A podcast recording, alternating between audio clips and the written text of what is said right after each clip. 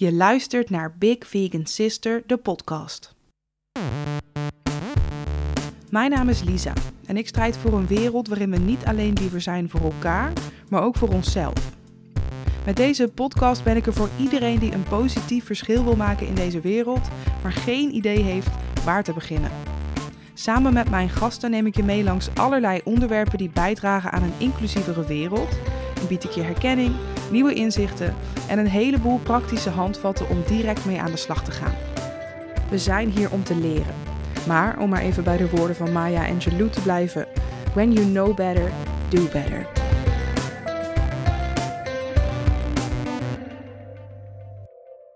Welkom bij een nieuwe aflevering van Big Vegan Sister, de podcast. Wat fijn dat je weer luistert. Vandaag gaan we het hebben over een onderwerp dat, vind ik, nodig besproken moet worden in deze podcast, namelijk racisme. En dan vooral, wat kun jij doen tegen racisme? Deze podcast is dan ook speciaal voor mijn volgers die denken: fuck man, ik wil iets doen, maar ik heb geen idee wat en ik heb geen idee hoe. Voordat we doorgaan met de rest van de aflevering, wil ik eerst heel graag mijn Petje.afnemers bedanken. Mijn nieuwe Petje.afnemers moet ik daarbij zeggen. Mijn Petje.af is een account en daar kun je doneren om te zorgen dat de podcast blijft bestaan, maar ook om hem inclusiever te maken. Het geld wat ik ophaal met mijn Petje.af-account gebruik ik bijvoorbeeld om transcripties te betalen. En een transcriptie is dat een aflevering woord voor woord uit wordt geschreven door iemand, zodat mensen die slechthorend zijn of doof, of mensen die nogal prikkelgevoelig zijn en liever lezen dan luisteren, ook mee kunnen krijgen wat er allemaal gezegd wordt. Deze maand zijn er weer een paar mensen geweest die ofwel eenmalig, ofwel nu weer hebben gezegd per maand een bedrag voor mij gaan betalen. En dat zijn deze maand en die wil ik echt enorm, enorm bedanken. Astrid, Bianca, Madelief, Noora, Jun-Jan, Maaike, Joyce, Janneke, Loes en Ans. Enorm bedankt dat jullie helpen om de podcast inclusiever te maken. Voor we verder gaan, even een kleine side note.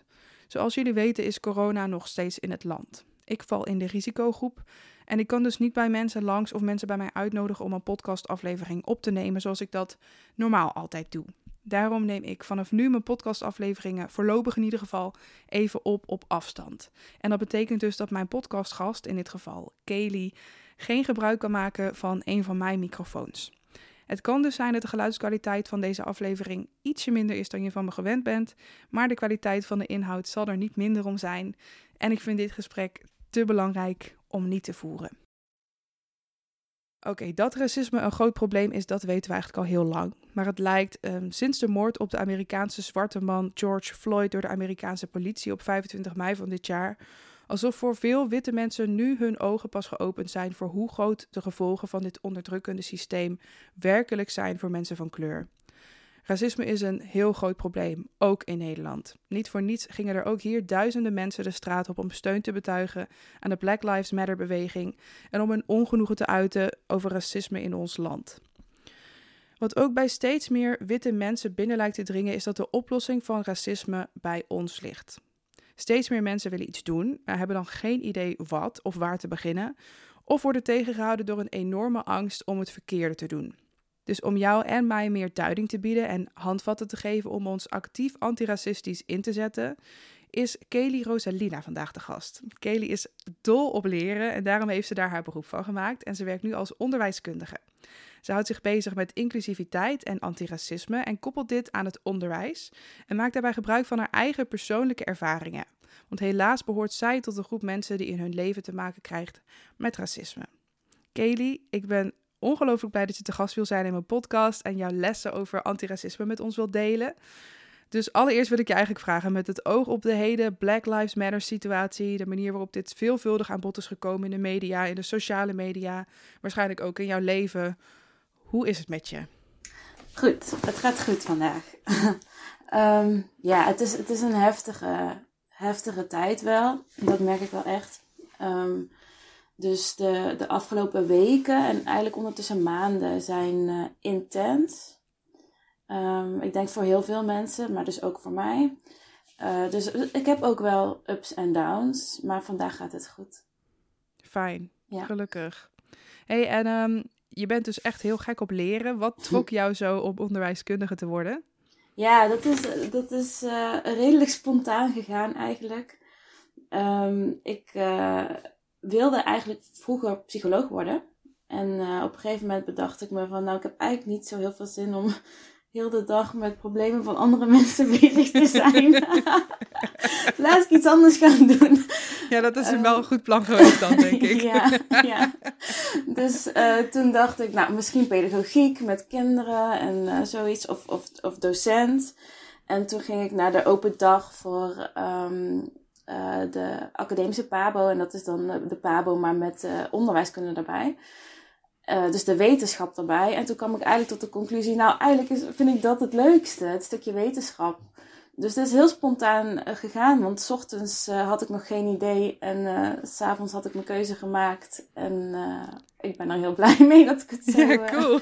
ja, want ja, hoe, lang, hoe lang ben je nu afgestudeerd? Afgestudeerd, even denken, vier jaar. Ja, vier, vier jaar, jaar alweer. Ja. Oké, okay. zijn we ongeveer in hetzelfde... Nee, wacht. Ik denk altijd dat het veel korter geleden is dat ik af ben gestudeerd, maar dat is helemaal niet zo. Ik ben in 2014 afgestudeerd. maar ik denk dat ook altijd. Uit, ja, echt. De tijd gaat snel. Hey, um, om even terug te komen op het onderwerp. Um, racisme heeft natuurlijk betrekking op alle personen van kleur. Maar in deze aflevering staat jouw ervaring centraal. En daarom wil ik jou vragen of je iets wil vertellen over jouw achtergrond als persoon van kleur. Zodat we een beetje context kunnen scheppen voor de aflevering. Zeker. Ik, uh, ik, ben half Nederlands en half Antilliaans. Dus mijn, mijn vader komt uit, uh, uit Curaçao en mijn moeder komt uit Nederland. Um, dus uh, mijn moeder is wit en mijn vader is zwart. Dus ik ben gemixt. Um, Vroeger zeiden mensen dan een halfbloedje, maar uh, dat vind ik altijd zo'n uh, ja, vervelende term. Ja, snap ik. Um, dus uh, ik ben opgegroeid in Nederland. hier geboren in, in Best. Woon in Eindhoven nu al een aantal jaar. En um, ben dus opgegroeid ook nog met een zus. Dus in een gemengd gezin met een zus. En um, ja, in Eindhoven. Ja.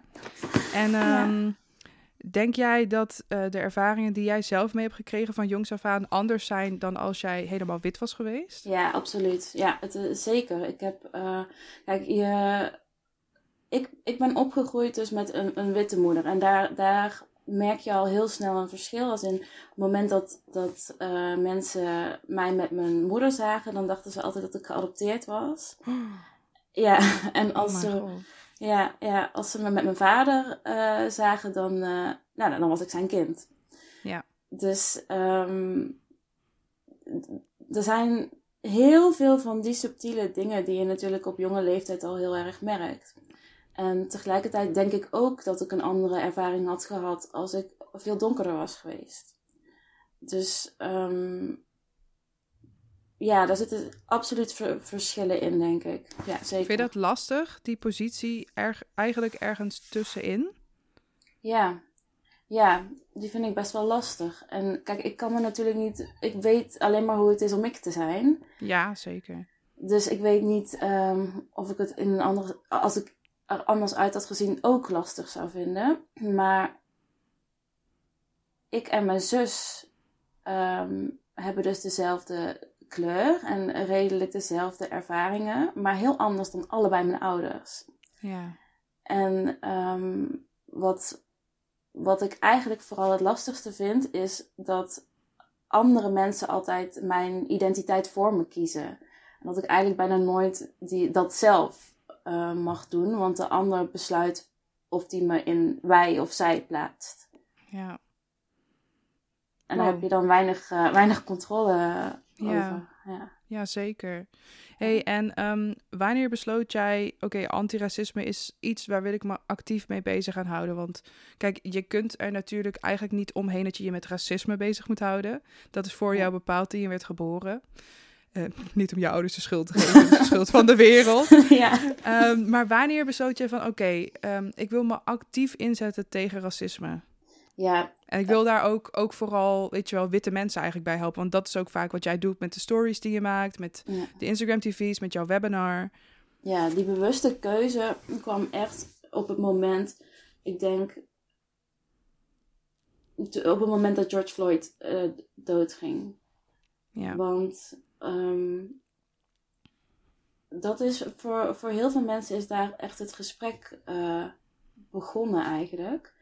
En kijk, ik voer, voer gesprekken over racisme al, al veel langer, maar vooral privé. En op dat moment, doordat mensen er veel meer over gingen praten, werd het ook een groot, veel groter onderdeel van mijn, van mijn uh, dagelijks leven eigenlijk. En kwam ook heel erg de frustratie bij mij naar boven dat er dat gesprek eigenlijk in het onderwijs bijna niet wordt gevoerd. En um, ja, als je op een gegeven moment zoveel frustratie daarover hebt, en vooral omdat ik dus, dus in het onderwijs werk en uh, daar ook ja, wat zou kunnen betekenen, dan moet je iets met die frustratie doen, want anders eet het je op. Ja, absoluut, ja. absoluut. Dus dat is eigenlijk het moment geweest dat ik, dat ik dacht van ja, maar dit, dit, dit kan niet meer zo. En ik zit in een positie waarin ik iets kan doen. En ik denk ook eerlijk gezegd dat als ik uh, dat niet doe, dat, dat, dat er veel minder gaat gebeuren. Ja. Dus je voelt het ergens een beetje als een soort plicht, maar ik kan me ook voorstellen dat je dit ook doet. Want als je eenmaal iets doet, je doet in ieder geval iets. Ja. Dan kun je misschien ergens heen met je frustratie. Um, omdat je ook al zei, anders eet het je gewoon van binnenuit op. Ja, ja dus, dus ik, uh, ik merk gewoon dat als, je, als ik er niks mee zou doen, dan. Uh, dat, nee, dat is gewoon geen optie meer. Dat, dat is het. Nee. Is geen optie. Ja. Maakt het je dan soms niet boos? Dat je het idee hebt dat je, er, dat je niet niets kan doen? Nee, nee, het maakt me niet boos dat, dat ik niet niks kan doen. Want ik, ik heb ook wel het gevoel van je moet ook in je leven waardevolle dingen doen en dingen doen die ertoe doen. Dus het maakt me niet boos dat ik, dat ik uh, uh, liever zou denken, nou laat me gewoon even relaxen en gewoon ja, een ja, beetje ja. de tijd uitzitten. Nee, nee, ik heb graag een leven waarin ik dingen kan betekenen en dingen beter kan maken. Mooi. Um, ik vind het wel. op dit gebied kan je echt een verschil maken natuurlijk. Ja, ja zeker. Ja, ja. En ik, ik merk dus wel dat ik het soms lastig vind dat, uh, um, dat niet iedereen dat begrijpt. Dus het is wel eens dat mensen tegen me zeggen van... Oh, maar doe, doe gewoon even rustig. Of, uh, weet je. Dan maak je je zo druk, joh. Ja, ja. Laat toch los. Ja, precies Wat je dat. geen aandacht geeft, dan kan je ook niks doen. Ja, precies dat. En, en dan... Als je, nou ja, als je dan mij komt... boos wil maken... Ja, ja, precies. Dan komt die frustratie omhoog. En dan... Ja. Uh, ja. Ja. ja. Dus dat... Uh, ja, het is, geen, het is geen optie meer om niks te doen. Nee. Nee, nee, nee, dat ben ik helemaal met je eens. En ik denk... Ik heb het idee dat heel veel witte mensen nu ook... Ook helaas door de moord op George Floyd nu inzien dat... Um, er is zo'n mooie quote van... It's not enough to be um, against racism. Um, we should be actively anti-racist. Ja. Het is... Het, het is Weet je, mensen van kleur hebben geen keuze of ze zich hier wel of niet mee bezighouden. Dat wordt voor hun bepaald. En ik heb het idee dat steeds meer witte mensen ook hun, hun um, plicht hierin inzien om iets te doen. Ja. Ja. Ik heb ook het idee, ik weet niet of dat mijn, mijn naïeve witte perspectief is hoor. Maar ik heb ook het idee alsof um, we echt wel op een belangrijk moment in de geschiedenis zitten. Alsof dit echt wel een kantelpunt is geweest. Ik heb nog nooit zoveel mensen. Kijk, uh, hoe lang hou ik me nu bezig met antiracisme? Ik denk een jaar of tien. Ik weet natuurlijk nooit zoveel als dat een persoon van kleur zal weten. Dus het is altijd vanuit een wit perspectief als ik praat. Maar ik heb nog nooit zoveel met mensen over dit onderwerp gepraat. Nog nooit zoveel voorbij zien komen als eigenlijk in de laatste ja, anderhalve maand. Heb je dat idee ook? Of zeg je, Lisa, ken je plaats? nee, ik... Um, dubbel. Want qua dat heb ik het gevoel dat ik een beetje in twee, uh, twee werelden leef eigenlijk. Um, ik, ja, ik denk absoluut dat dit een kantelpunt is. Um, maar vooral eigenlijk omdat ik merk dat meer mensen van kleur hun ervaringen delen en hmm. zich uitspreken. Dus waar ik vroeger ook dingen gewoon liet gebeuren en dacht, ja, weet je, uh, ik ga niet, als ik, als ik alles moet. Uh, um, gaan benoemen en bespreken wat er, Ja. wat er gebeurt, dan ben je, heb je daar een ja, hele taak aan, zeg maar. Ja, precies. Ja, dus, wat niet dus- zou moeten natuurlijk, hè? laten we Nee. zijn. Maar ja, Ja, nee. Maar dus op dat moment dan, eh, ehm, ja, ik denk dat heel veel mensen heel lang heel stil zijn geweest.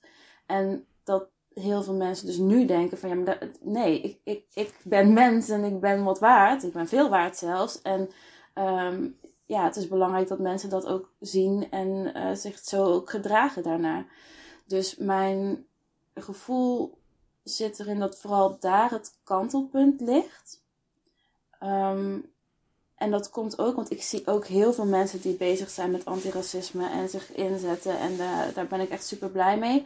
En tegelijkertijd kom ik ook heel veel mensen tegen, ook in mijn directe omgeving, die zoiets hebben van, weet je, ja, laat gewoon gaan. Uh, het is niet zo belangrijk. Of, of die het niet eens slecht bedoelt, maar die het misschien gewoon nog niet ervaren als dit is een probleem in Nederland. Mm En dat heb je het hierbij over witte mensen?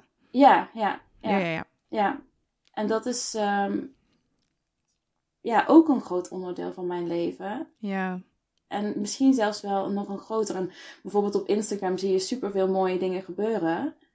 Maar als je naar LinkedIn gaat, dan is het beeld al heel anders. Ja, ja absoluut. Ja, daar heb je helemaal gelijk in. Ik zit natuurlijk ook in een hele activistische bubbel. Met, ik omring me heel erg met mensen die hetzelfde denken als ik. Ja. Dus dat geeft denk ik dan ook weer niet een helemaal een, een reëel beeld. Um, hoe, hoe is het voor jou dat voor heel veel witte mensen um, nu hun ogen worden geopend en dat ze bijvoorbeeld reageren op dingen met oh mijn god is het echt zo erg in Nederland oh ik wist oh ik schaam me om wit te zijn of um, hoe voelt het voor jou dat mensen nu ineens hun ogen openen voor wat al, nou, ik weet niet hoe oud je bent, gok ergens in de 20. Ja, 27. 20 jaar, 20 plus jaar jouw. Oh, we zijn even oud. We zijn even oud. 27 jaar jouw realiteit is. Ja. Um, aan de ene kant is het uh, natuurlijk fijn dat, dat uh, ogen worden geopend. Dat betekent vooruitgang. Dus dat is fijn. En tegelijkertijd ja, is dat natuurlijk ook frustrerend. Omdat het er altijd al was.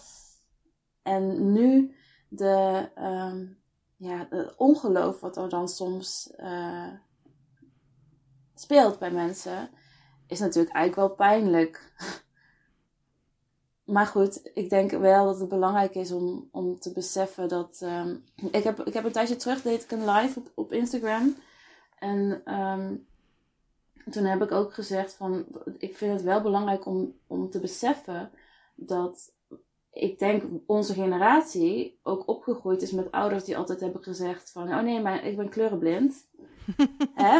En als dat is ik zie geen kleur. Precies, ik zie geen kleur, ik ben kleurenblind, ik vind alle mensen lief. En uh, um, als dat is hoe je opgroeit, en als dat je wereldbeeld is, en dat is wat je altijd hebt meegekregen, dan kan ik me wel voorstellen dat je het heel lang niet hebt gezien. Ja, ja en ik denk dat heel veel uh, witte mensen racisme ook iets zien um, in extreme. En dat ze het vooral zien als iets wat de, de, de grote, enge ander doet, maar niet zijzelf. Ja. Terwijl um, ik heb ook gewoon geleerd, want ik dacht ook altijd, ik ben niet racistisch. Mm. En um, ik heb geen vooroordelen. Maar we zijn nou eenmaal opgegroeid in een systeem dat doordrenkt is van racisme en van vooroordelen tegenover mensen van kleur.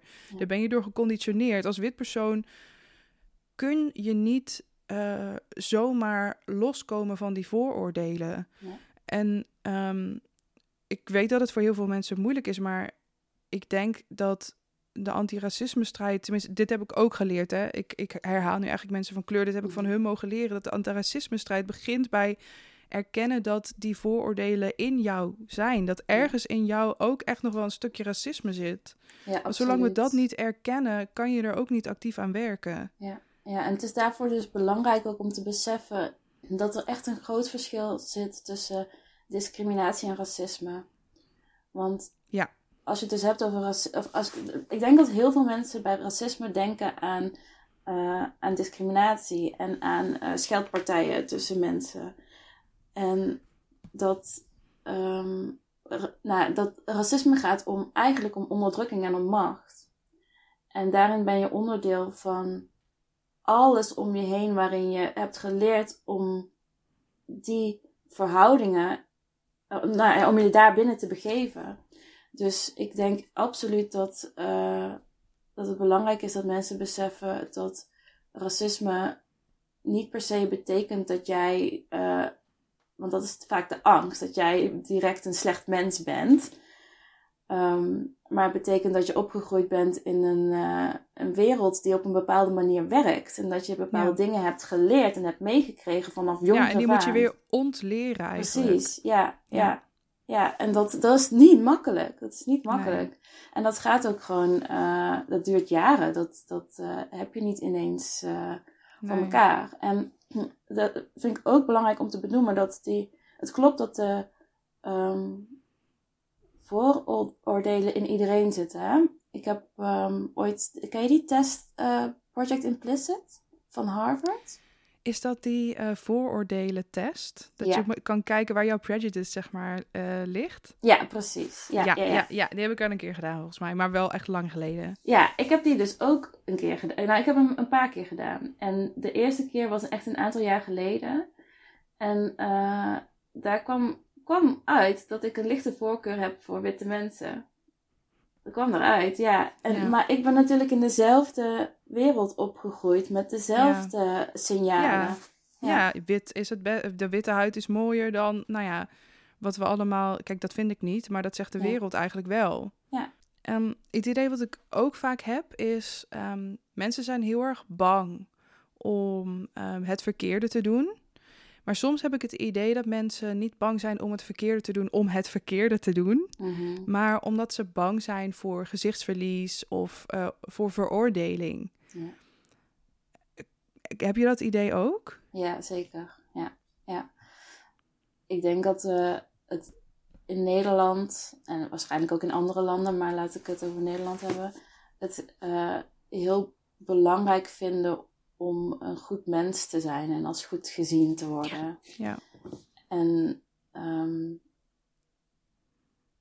als je dan iets verkeerd doet, dan uh, ja, op dat moment ben je dan misschien meer bezig met jezelf dan met daadwerkelijk hetgene waar het over gaat.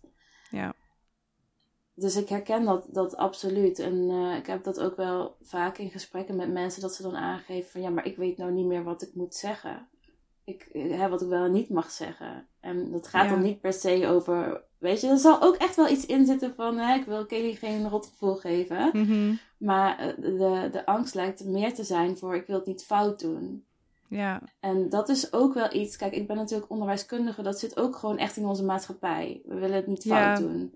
Ja, en ook heb ik het idee dat we, we, hier in Nederland ook gewoon heel erg op zijn gegroeid met dat onze mening er altijd toe doet. En dat alles een discussie kan zijn. Ja, ja. Maar sommige dingen zijn toch, sommige dingen zijn gewoon een waarheid. Oh, ja, ja, ja. En um, ook, ik weet niet wat ik moet zeggen.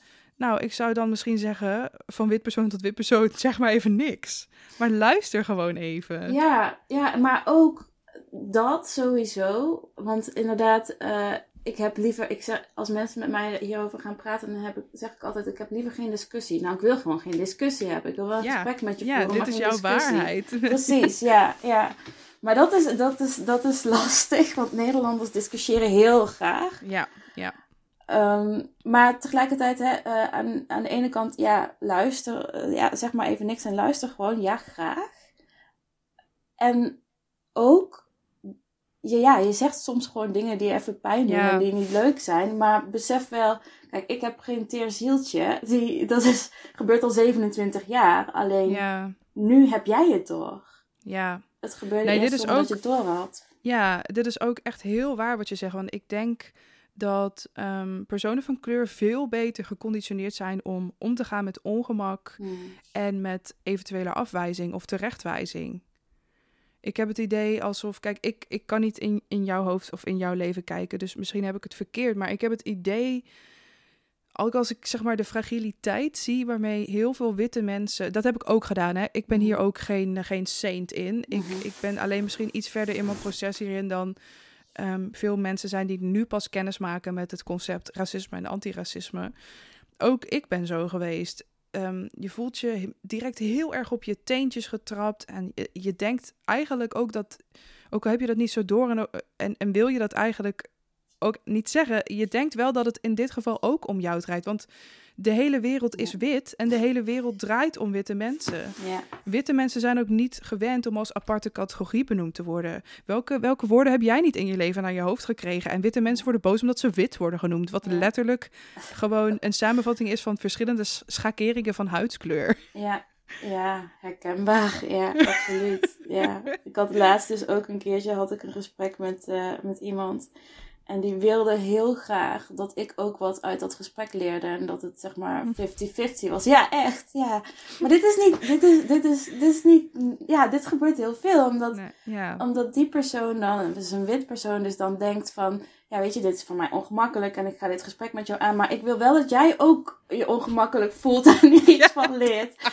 En ja, vroeger zou ik dan uit beleefdheid hebben gezegd. Oh ja, echt vroeger maar nu zeg ik, ja, nee, nee, sorry. Ik heb dit gesprek heel vaak. Ja. En het is soms ook frustrerend dat hè, ik zie het ongemak bij jou en ik zie de strategieën die je onbewust gebruikt om, om uh, het gesprek op, op, op een manier te voeren die jij prettig vindt.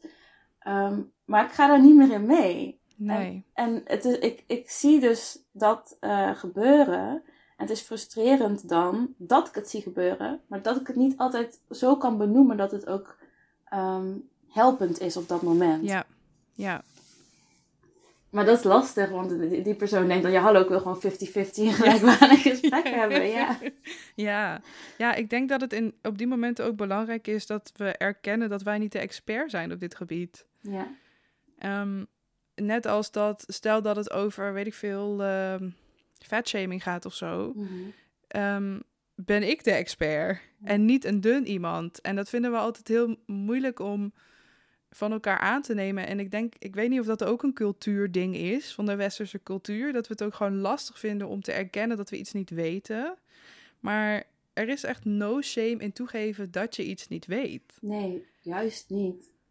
Juist niet. Het maakt het juist krachtig. Want juist omdat je aangeeft ik, uh, ik weet het niet, of ik vind dit moeilijk, of ik vind dit lastig. Als meer mensen dat zouden doen, dan worden al deze gesprekken voor mij een stuk makkelijker. Ja. Omdat je door dat te doen ook het voorbeeld geeft en eigenlijk ook die uh, gewoonte of die cultuur van we moeten het allemaal weten doorbreekt. Ja, ja. En daarin toestemming geeft aan anderen om dat ook te doen. Dus ik, ik denk wel dat het een, uh, uh, een, een cultuurding is misschien in Nederland.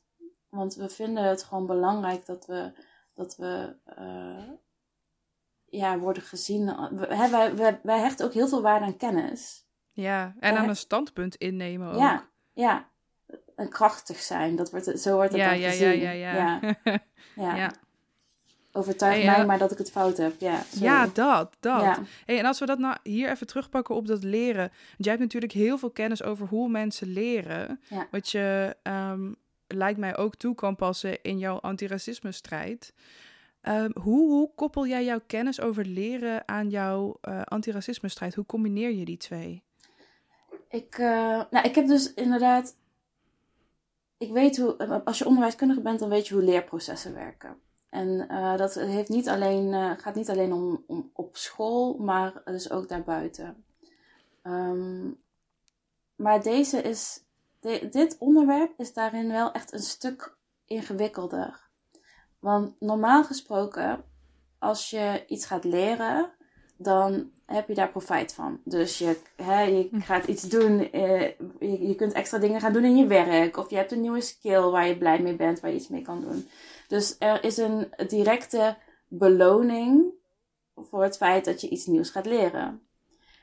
In dit geval denk ik dat het andersom werkt. Dus in eerste instantie, als je gaat leren over antiracisme en als je gaat leren over wat het betekent om wit te zijn en je, je plek in, in de maatschappij, dan is volgens mij het eerste gevolg dat je merkt, oeh, ik moet iets opgeven. Ja. En dat, dat is dus het tegenovergestelde van als je normaal gesproken iets wil gaan leren. Dus dat maakt dit een stuk ingewikkelder. Um, want normaal gesproken zou ik, zou ik zeggen, hè, als je iets gaat leren, dan kijk je naar iemand zijn motivatie. En uh, nou ja, wat de drijfveren zijn om iets te gaan leren. En ja, nou, ik wil graag mijn privileges kwijtraken. ja, precies dat, precies dat. ja, dat, dat, uh, ja, dat denkt natuurlijk niemand. Dus qua, qua leren werkt dit anders dan, uh, de, de dingen waar we eh, normaal gesproken over leren. Ehm, aan de andere kant, dus wat ik bijvoorbeeld net al zei, we hebben het nu eigenlijk meer over, over mindset en houding dan over kennis en vaardigheden. En natuurlijk zitten er kennis en vaardigheden bij. Hè? Ik bedoel, het is super fijn als je in een gesprek kan onderscheppen uh, wat bijvoorbeeld die strategieën zijn waar we het net over hadden. Dat is een skill, dat is een vaardigheid. Daar heb je kennis voor nodig om dat te kunnen doen. Maar de, essentie hier zit hem wel echt in houding en, mindset. En daarin um, is het dus belangrijk dat je, dat je voorbeelden hebt. Dat je mensen hebt waar je naar kunt opkijken die het, het goede voorbeeld geven. Want dan, zo, dat is zeg maar de manier waarop je een houding overneemt en attitudes. Ik ben nou allemaal in onderwijskundige jargon, maar... Um... Maakt niet uit. Vervolgen je.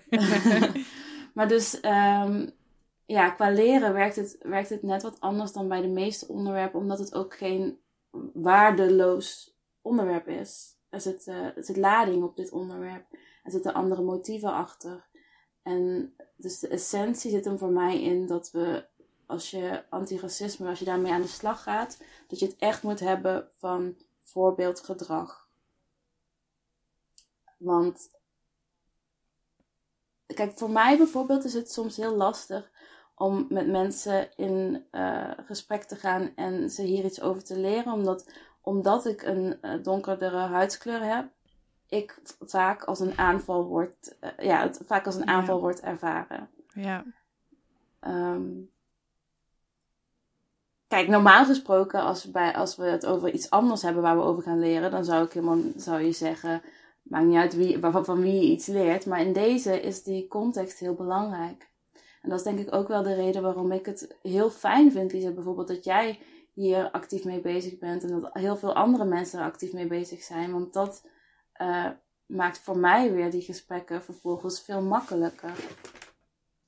Ja, nou mooi dat je dat zegt. Uh, ik, hoef, ik hoef geen schouderklopje om het ding te doen wat gewoon, zeg maar, basic, uh, basic humanity is. Mm. Maar toch vind ik het fijn om te horen dat het voor jou helpend is. Ja. Want dat is het enige wat ik ermee wil bereiken, zeg maar. Ja, ja dat, is het ook, dat is het ook echt. Want um, ik kan in een, stel hè, wij zijn in een gesprek met mensen, dan, uh, het gesprek met mensen, ja, of honden, maar uh, goed, ja, met, met, ja, meestal praat mensen. ik met mijn hond, maar... ja, uh, we zijn in een gesprek met een groep mensen en, en daar is wat, wat weerstand of wat ongemak.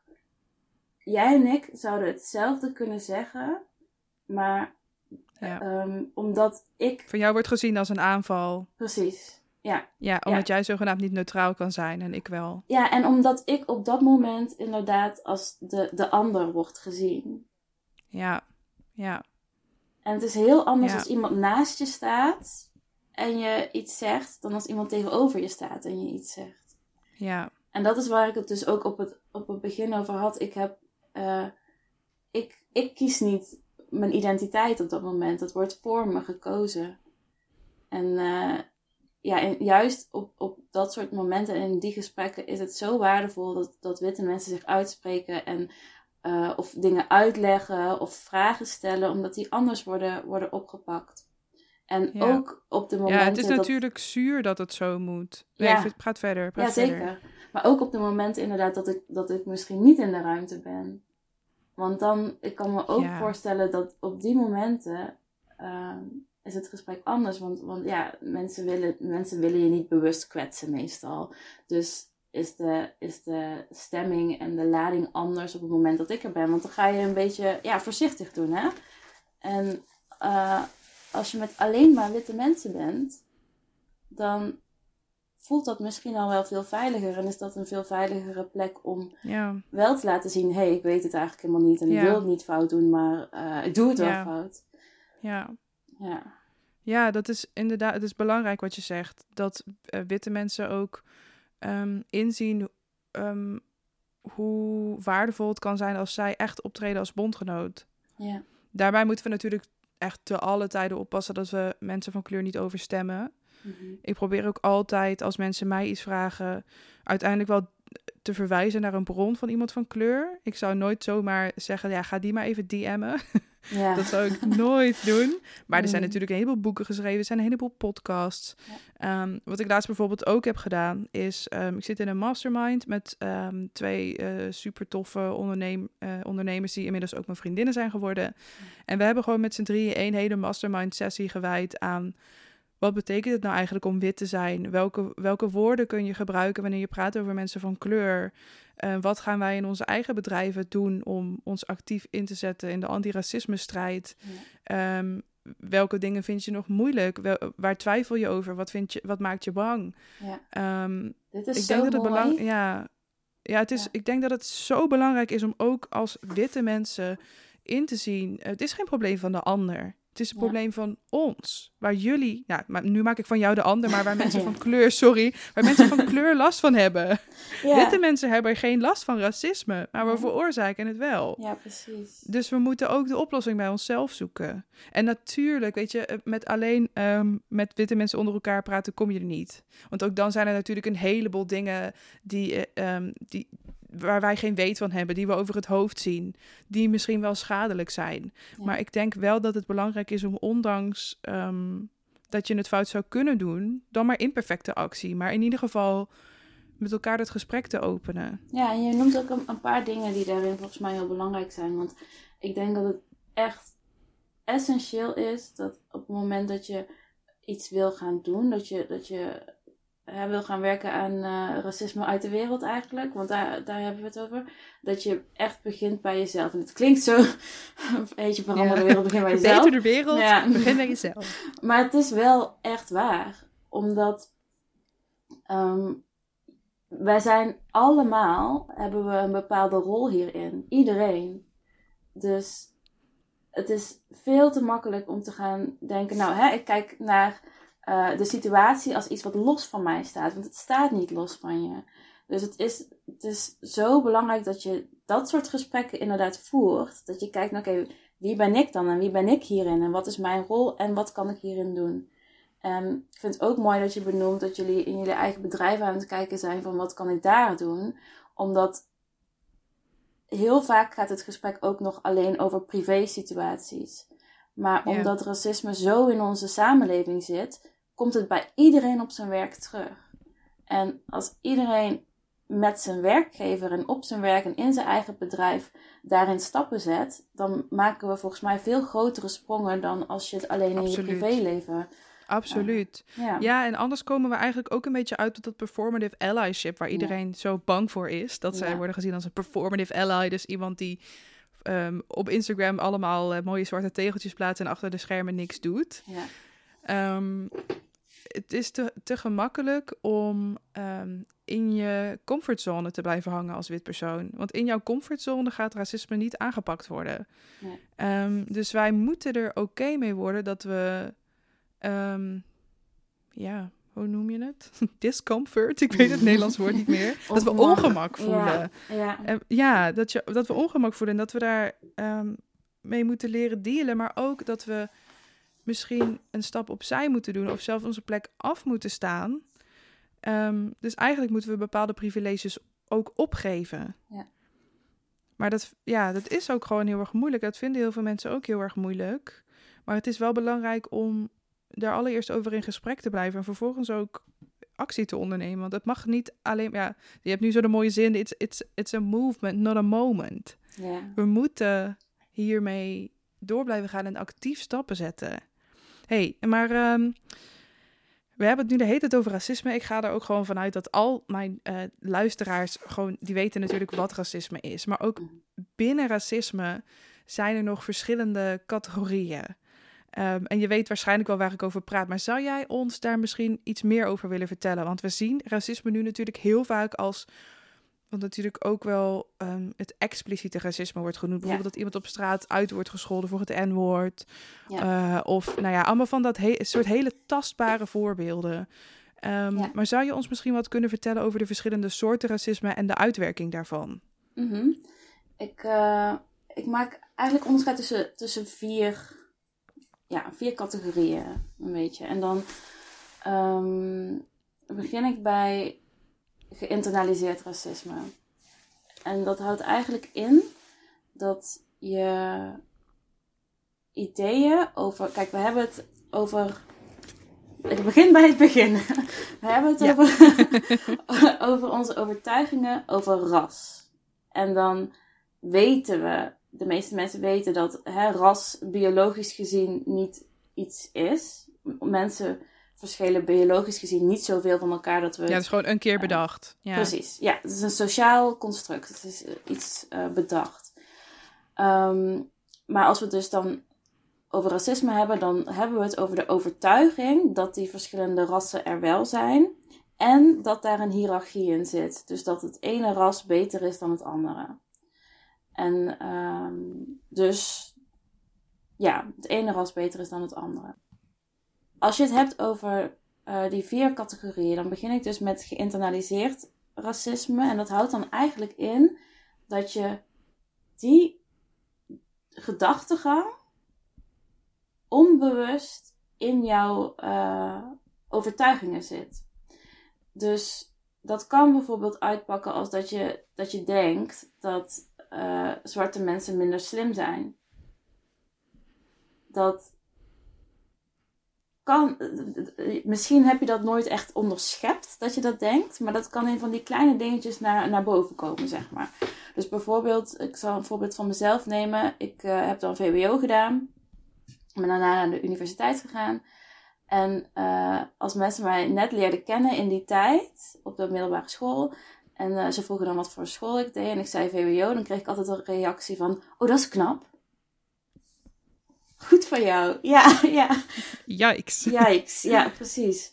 Um, ik denk dat dat een goed voorbeeld is van geïnternaliseerd racisme. Dus daar zit een overtuiging bij die persoon dat omdat ik uh, een donkere huidskleur ben, ik waarschijnlijk niet zo slim ben.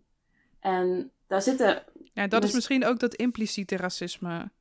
Ja, ja, dat leidt absoluut tot, tot acties. Maar dit, dus op het moment dat we het hebben over geïnternaliseerd, dan zit het echt nog in de persoon. Ja, ja, ja, oké. Ja. En uh, dat hoeft dus nog helemaal niet naar buiten te komen. Maar hè, overtuigingen sturen je gedrag. Dus dan gaan we naar de volgende en dan is het interpersoonlijk. En dan hebben we het over wat er tussen mensen gebeurt. En um, dan heeft het dus effect in de relatie met een ander. En aan de ene kant kan het heel expliciet zijn, dus uh, schelden en uh, dat soort dingen. En aan de andere kant kan het ook heel impliciet zijn. Dus um, op het moment dat ieder, iemand inderdaad uitspreekt.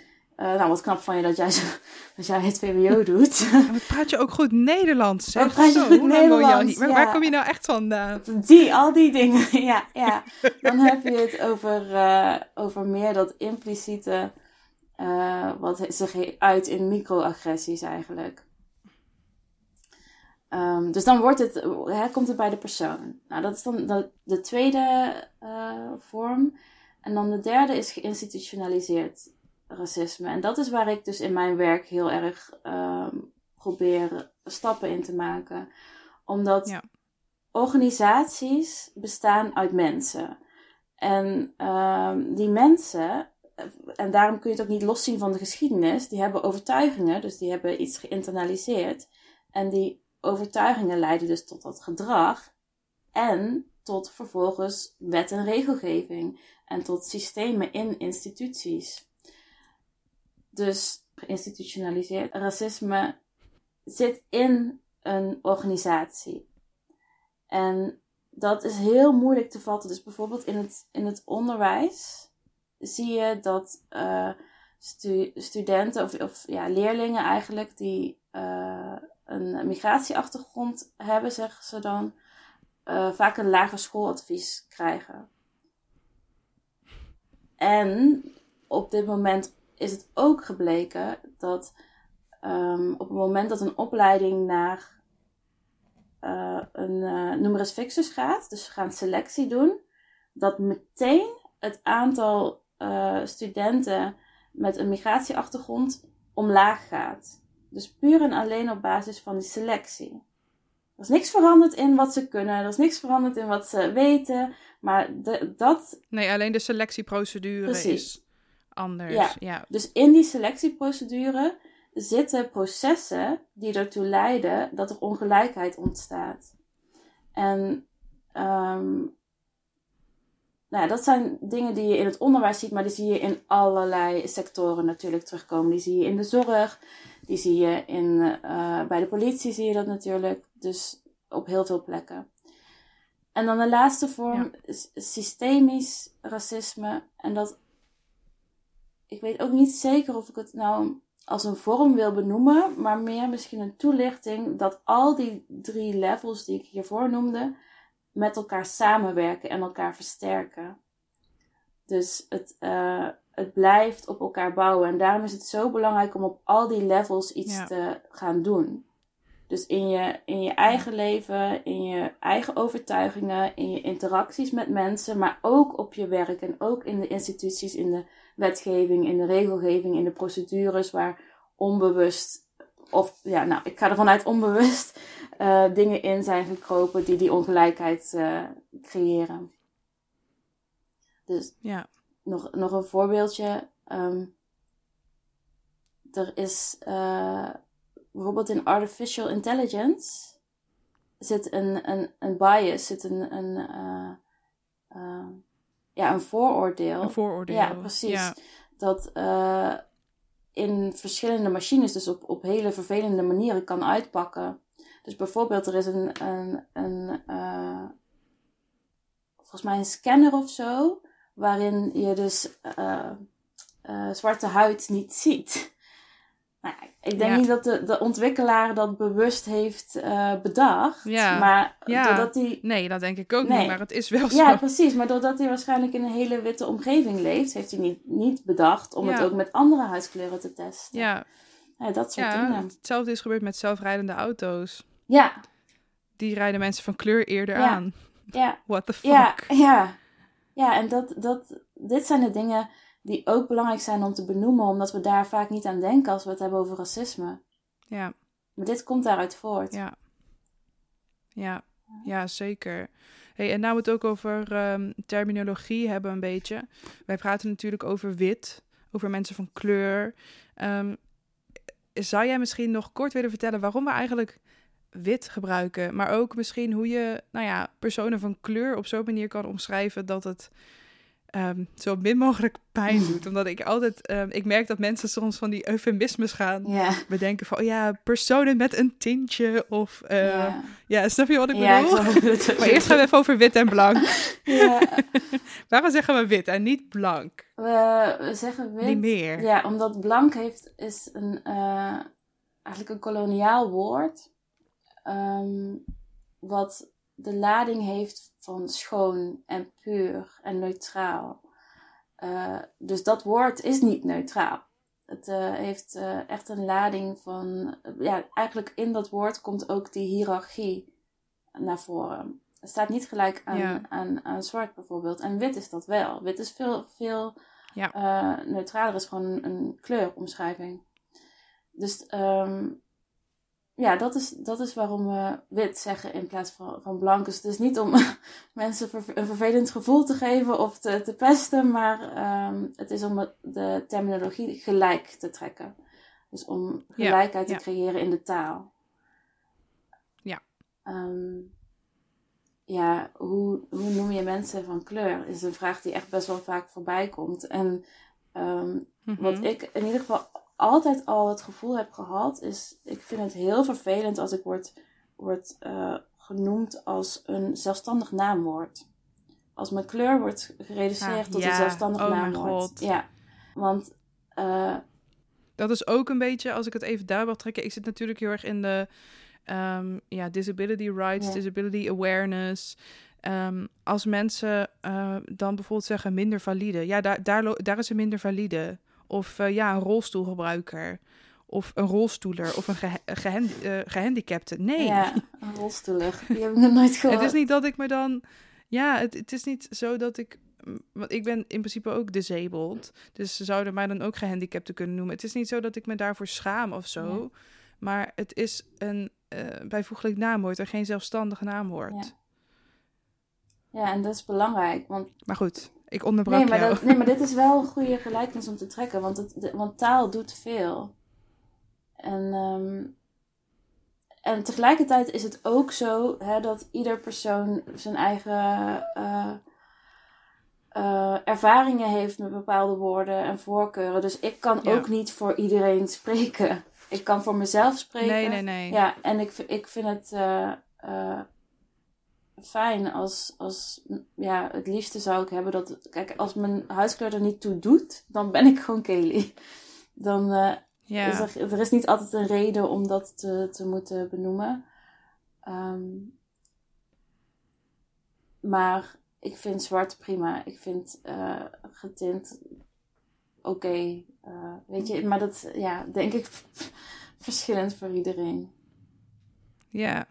Ja, want ik merk, ik krijg dan soms ook de vraag ehm, van mensen die ik natuurlijk niet altijd kan beantwoorden, aangezien ik wit ben.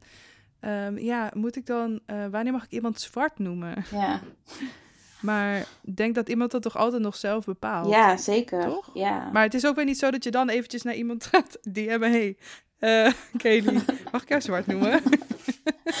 ja, Dus is persoon van kleur over het algemeen het veiligst? Tenzij je van iemand weet dat diegene zich expliciet bijvoorbeeld zwart of bruin ja. noemt. Ik vind dat wel het veiligste, inderdaad. Ja. ja, en ik denk dat dat ook wel de algemene consensus is op het moment. Ja, Ja. ja. En tegelijkertijd, En dan denk ik wel... Oh, sorry, praat ja, door. tegelijkertijd taal ontwikkelt zich.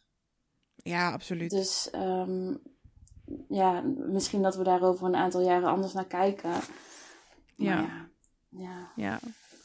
Nee, ja, wat ik wel heb geleerd is als we het bijvoorbeeld hebben over Black Lives Matter... en we hebben het specifiek over Black Lives... dat ehm, het ook belangrijk is ehm, dat we dat ook op die manier benoemen. Ja. En het dan niet breder trekken, omdat... ehm, wat ik heb geleerd, nogmaals, is dat... eh Tuurlijk, iedereen heeft een uniek perspectief op de wereld... maar het perspectief van zwarte mensen binnen de groep personen van kleur... is toch weer anders dan mensen met bijvoorbeeld een lichtere huidskleur. Mhm. Ehm, en ehm, daarom is het belangrijk dat als het bijvoorbeeld over Black Lives Matter gaat en dan specifiek over zwarte levens, dat we dat ook wel op die manier benoemen. Ja. Maar dat zal, weet je, wat diegene over zich, hoe diegene zichzelf omschrijft, is daar natuurlijk altijd leidend. Ja, het is, het is belangrijk dat op het moment dat je eh, gesprekken voert die zo eh, beladen zijn eigenlijk, dat je heel goed benoemt wat je bedoelt. Dat je heel specifiek Ja. benoemt wat je bedoelt. Ja, Dus eh, als je het hebt over Black Lives Matter, dan ehm, is het belangrijk om dat zo te benoemen en niet te zeggen. eh, ik heb het over iedereen met een migratieachtergrond. Want die ervaringen zijn anders, de context is anders, de situatie is anders. Dus hoe, hoe specifieker je benoemt wat je bedoelt, hoe beter en hoe fijner. Ja. Ja. Ja, dat is vaker als we bijvoorbeeld praten over Azië. Want wat heel veel mensen niet doorhebben, is dat landen als Irak en Iran horen ook gewoon bij Azië. Ja.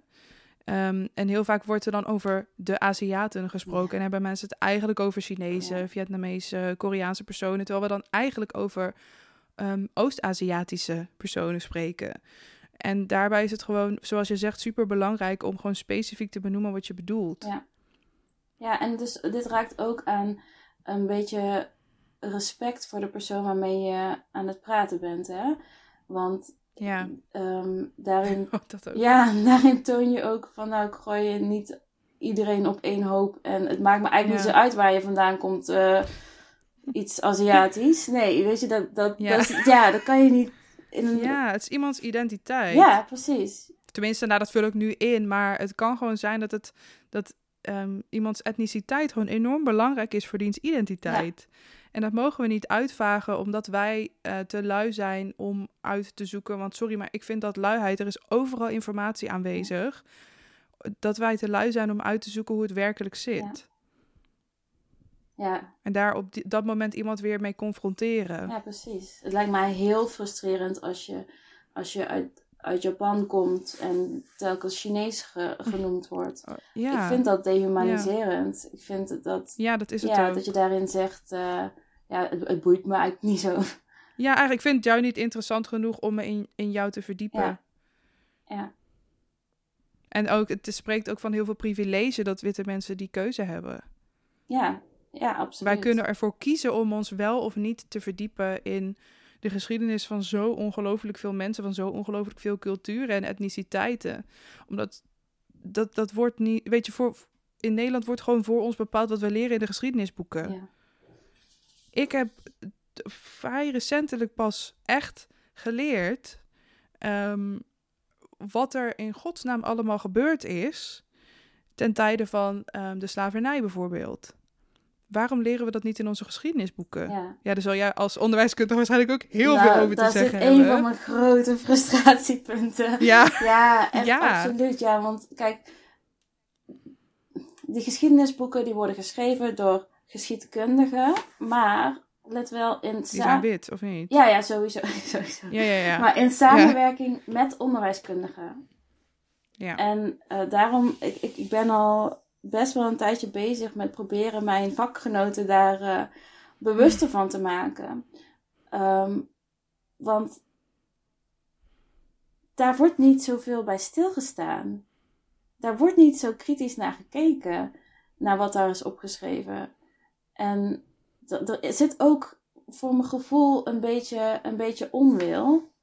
Want ja. er zijn dus, uh, er was een tijdje terug een, een lesmethode die op basis van de nieuwe kanon toen uh, besloot om daar een dag aan te besteden. Ik had daar net een blog over geschreven, uh, over wat ik vind van, van, vond van de nieuwe kanon. Um, en ik keek... Misschien kort voor de mensen die niet weten wat de kanon is. Even kort uitleggen um, wat die inhoudt. Ja, het is eigenlijk een verzameling van de, ik geloof, 50 belangrijkste geschiedenismomenten oh in, uh, in de Nederlandse ja. geschiedenis. En laat me raden. Totdat Anton de Kom hier onlangs aan toe werd gevoegd, was iedereen wit? Nou, niet iedereen. Ja, nou oh. jawel. Nou ja, weet ik eigenlijk niet zeker.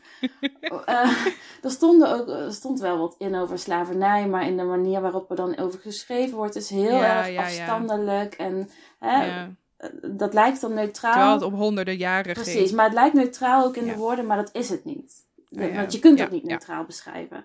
Nee. Um, maar goed, dus, dus uh, ik heb daar toen een blog over geschreven. Nou, een, een uh, uitgeverij, een educatieve uitgeverij, ging dus een dag organiseren om de docenten verder te helpen hoe ze daarmee om zouden moeten gaan met die nieuwe kanon. En ik keek naar het programma en ik dacht, dit zijn alleen maar witte mensen, mannen van 50 plus. Alleen maar. Oh. Dus ik heb oh. ze gemaild van, hey, uh, misschien is het goed om verschillende perspectieven uh, yeah uh, ja, in te brengen. En uh, juist met dit onderwerp waar jullie nu mee aan de slag gaan. En ik heb gezegd, als jullie willen, wil ik ook best wel komen. Nee, was niet nodig. Want ja, we willen eigenlijk gewoon geschiedkundigen en goede geschiedkundigen. Ja, ja. Dus daar, daarin denk ik, oké, maar dit is onwil. Ja, dat is het dan ook echt. Ja, ja. en um, ik vind dat we als onderwijs en als, als uh, de mensen die besluiten wat onze jeugd gaat leren en wat, ja. dat we daar heel bewust en serieus mee bezig moeten zijn. En daar hebben we echt nog veel werk te doen. Ja, ja, ja absoluut, absoluut. Hey, en als we het nou gaan hebben over uh, het werk doen. Ik, um, ik merk door de vragen die ik krijg, door de dingen die ik langs zie komen, heel veel mensen willen iets doen. Um, en ze doen ofwel soms uit onwetendheid misschien een beetje onhandige dingen. Mm of ze zijn bang om het fout te doen, of bang om gezichtsverlies te lijden, of bang om kritiek te krijgen, om, om um, nou, whatever. Ze zijn bang om zich uit te spreken. Um, er zijn, heb ik het idee, bepaalde valkuilen waar veel mensen intrappen zodra ze zich bezig gaan houden met het werk. Valkuilen waar ik ook een paar jaar geleden ongetwijfeld in ben getrapt. Um, maar er zijn ook een heleboel goede voorbeelden te noemen. Die juist wel helpen, die juist wel constructief zijn. Um, ik dacht, misschien kunnen we het, um, om uh, mensen nog wat praktische, praktische dingen mee te geven, even een paar van die valkuilen doorlopen. Mhm. En daarbij dan meteen ja, eigenlijk omdenken en een strategie meegeven die wel helpend is. Ja, goeie. Vind je dat een goed plan? Ja, zeker. Oké. Um, sommige dingen hebben we eigenlijk stiekem al een beetje benoemd. Um, er zijn natuurlijk een heleboel meer dan wij nu gaan benoemen, maar laten we in ieder geval een paar even pakken. Ik wil beginnen met tone policing. Mm. ja. Wil jij ons misschien vertellen wat dat is, Kelly? En of je het herkent? Ik herken het absoluut. Um, tone policing houdt eigenlijk in dat op het moment dat je uh, met iemand in gesprek bent, dat en die geeft aan wat zijn ervaringen zijn rondom racisme bijvoorbeeld. Dat je het kritiek geeft op de manier waarop het wordt gezegd. Dus dat kan zijn. En niet op de inhoud. Niet op de inhoud, ja. Dus bijvoorbeeld, ehm, het kan zijn op, op uh, emotie. Op, uh, kijk, als ik praat over racisme en het gesprek raakt me, dan hoor je dat aan mijn stem. En dan zie je dat misschien aan mijn, mijn lichaamshouding. Um, en dus toonpolicing is als vervolgens de persoon zegt: Nou, nou, nou, nou, doe eens even rustig aan. Of uh, ja, maar als je, als je het op die manier brengt, dan weet je, je moet het wel een beetje fijn brengen. Uh, zo gaat niemand luisteren. En vooral de, ja, maar om jouw doel te bereiken, moet je het toch anders brengen naar Oh, mensen. God, ja. ja. die, ja.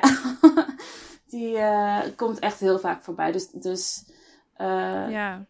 ja, kritiek geven op de manier waarop over racisme wordt gesproken in plaats van over wat er wordt gezegd. Ja, en wat zou je daarbij zeggen van, oké, doe dit dus absoluut niet meer. Weet, dat weten nu wat je absoluut niet moet doen. Hoe kan je dat bij jezelf um, tackelen en wat kan je op zo'n, um, in zo'n geval juist wel doen? Om er de andere persoon niet mee te belasten. Um, dus in dit geval de persoon van kleur er niet mee te belasten. Ja, ik, ik ben eigenlijk benieuwd, want Isa, misschien heb jij die ervaring wel gehad?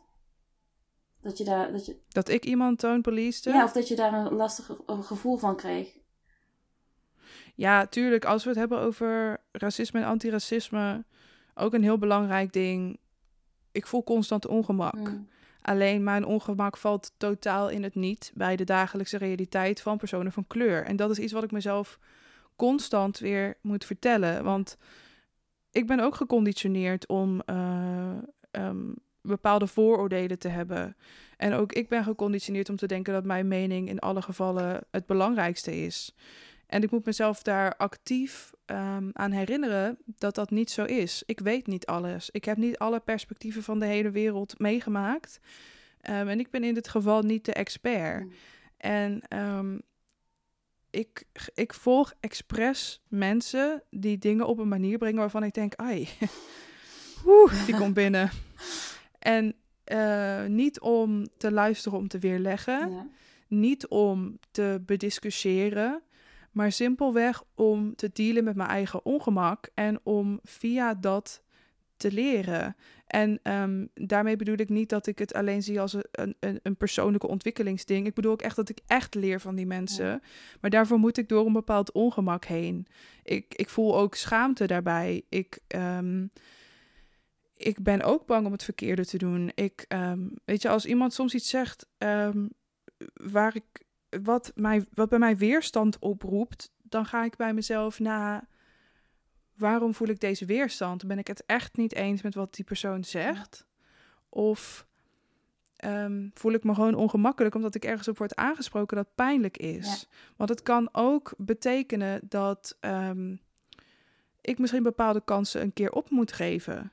Ik ben me ook heel, ik, ik word soms ook voor dingen benaderd um, die mij heel tof lijken, maar dan als ik bijvoorbeeld, stel ik word gevraagd voor een artikel in een blad um, over uh, activisme. En ik weet dat er alleen maar witte mensen in staan. Dan sta ik mijn plek af aan een persoon van kleur. En dit zeg ik nu niet om uh, heel woke te lijken. Maar dit zeg ik als praktisch voorbeeld wat je daarin kunt doen. En natuurlijk wil ik ook graag in dat tijdschrift staan. Dat scheelt mijn ego.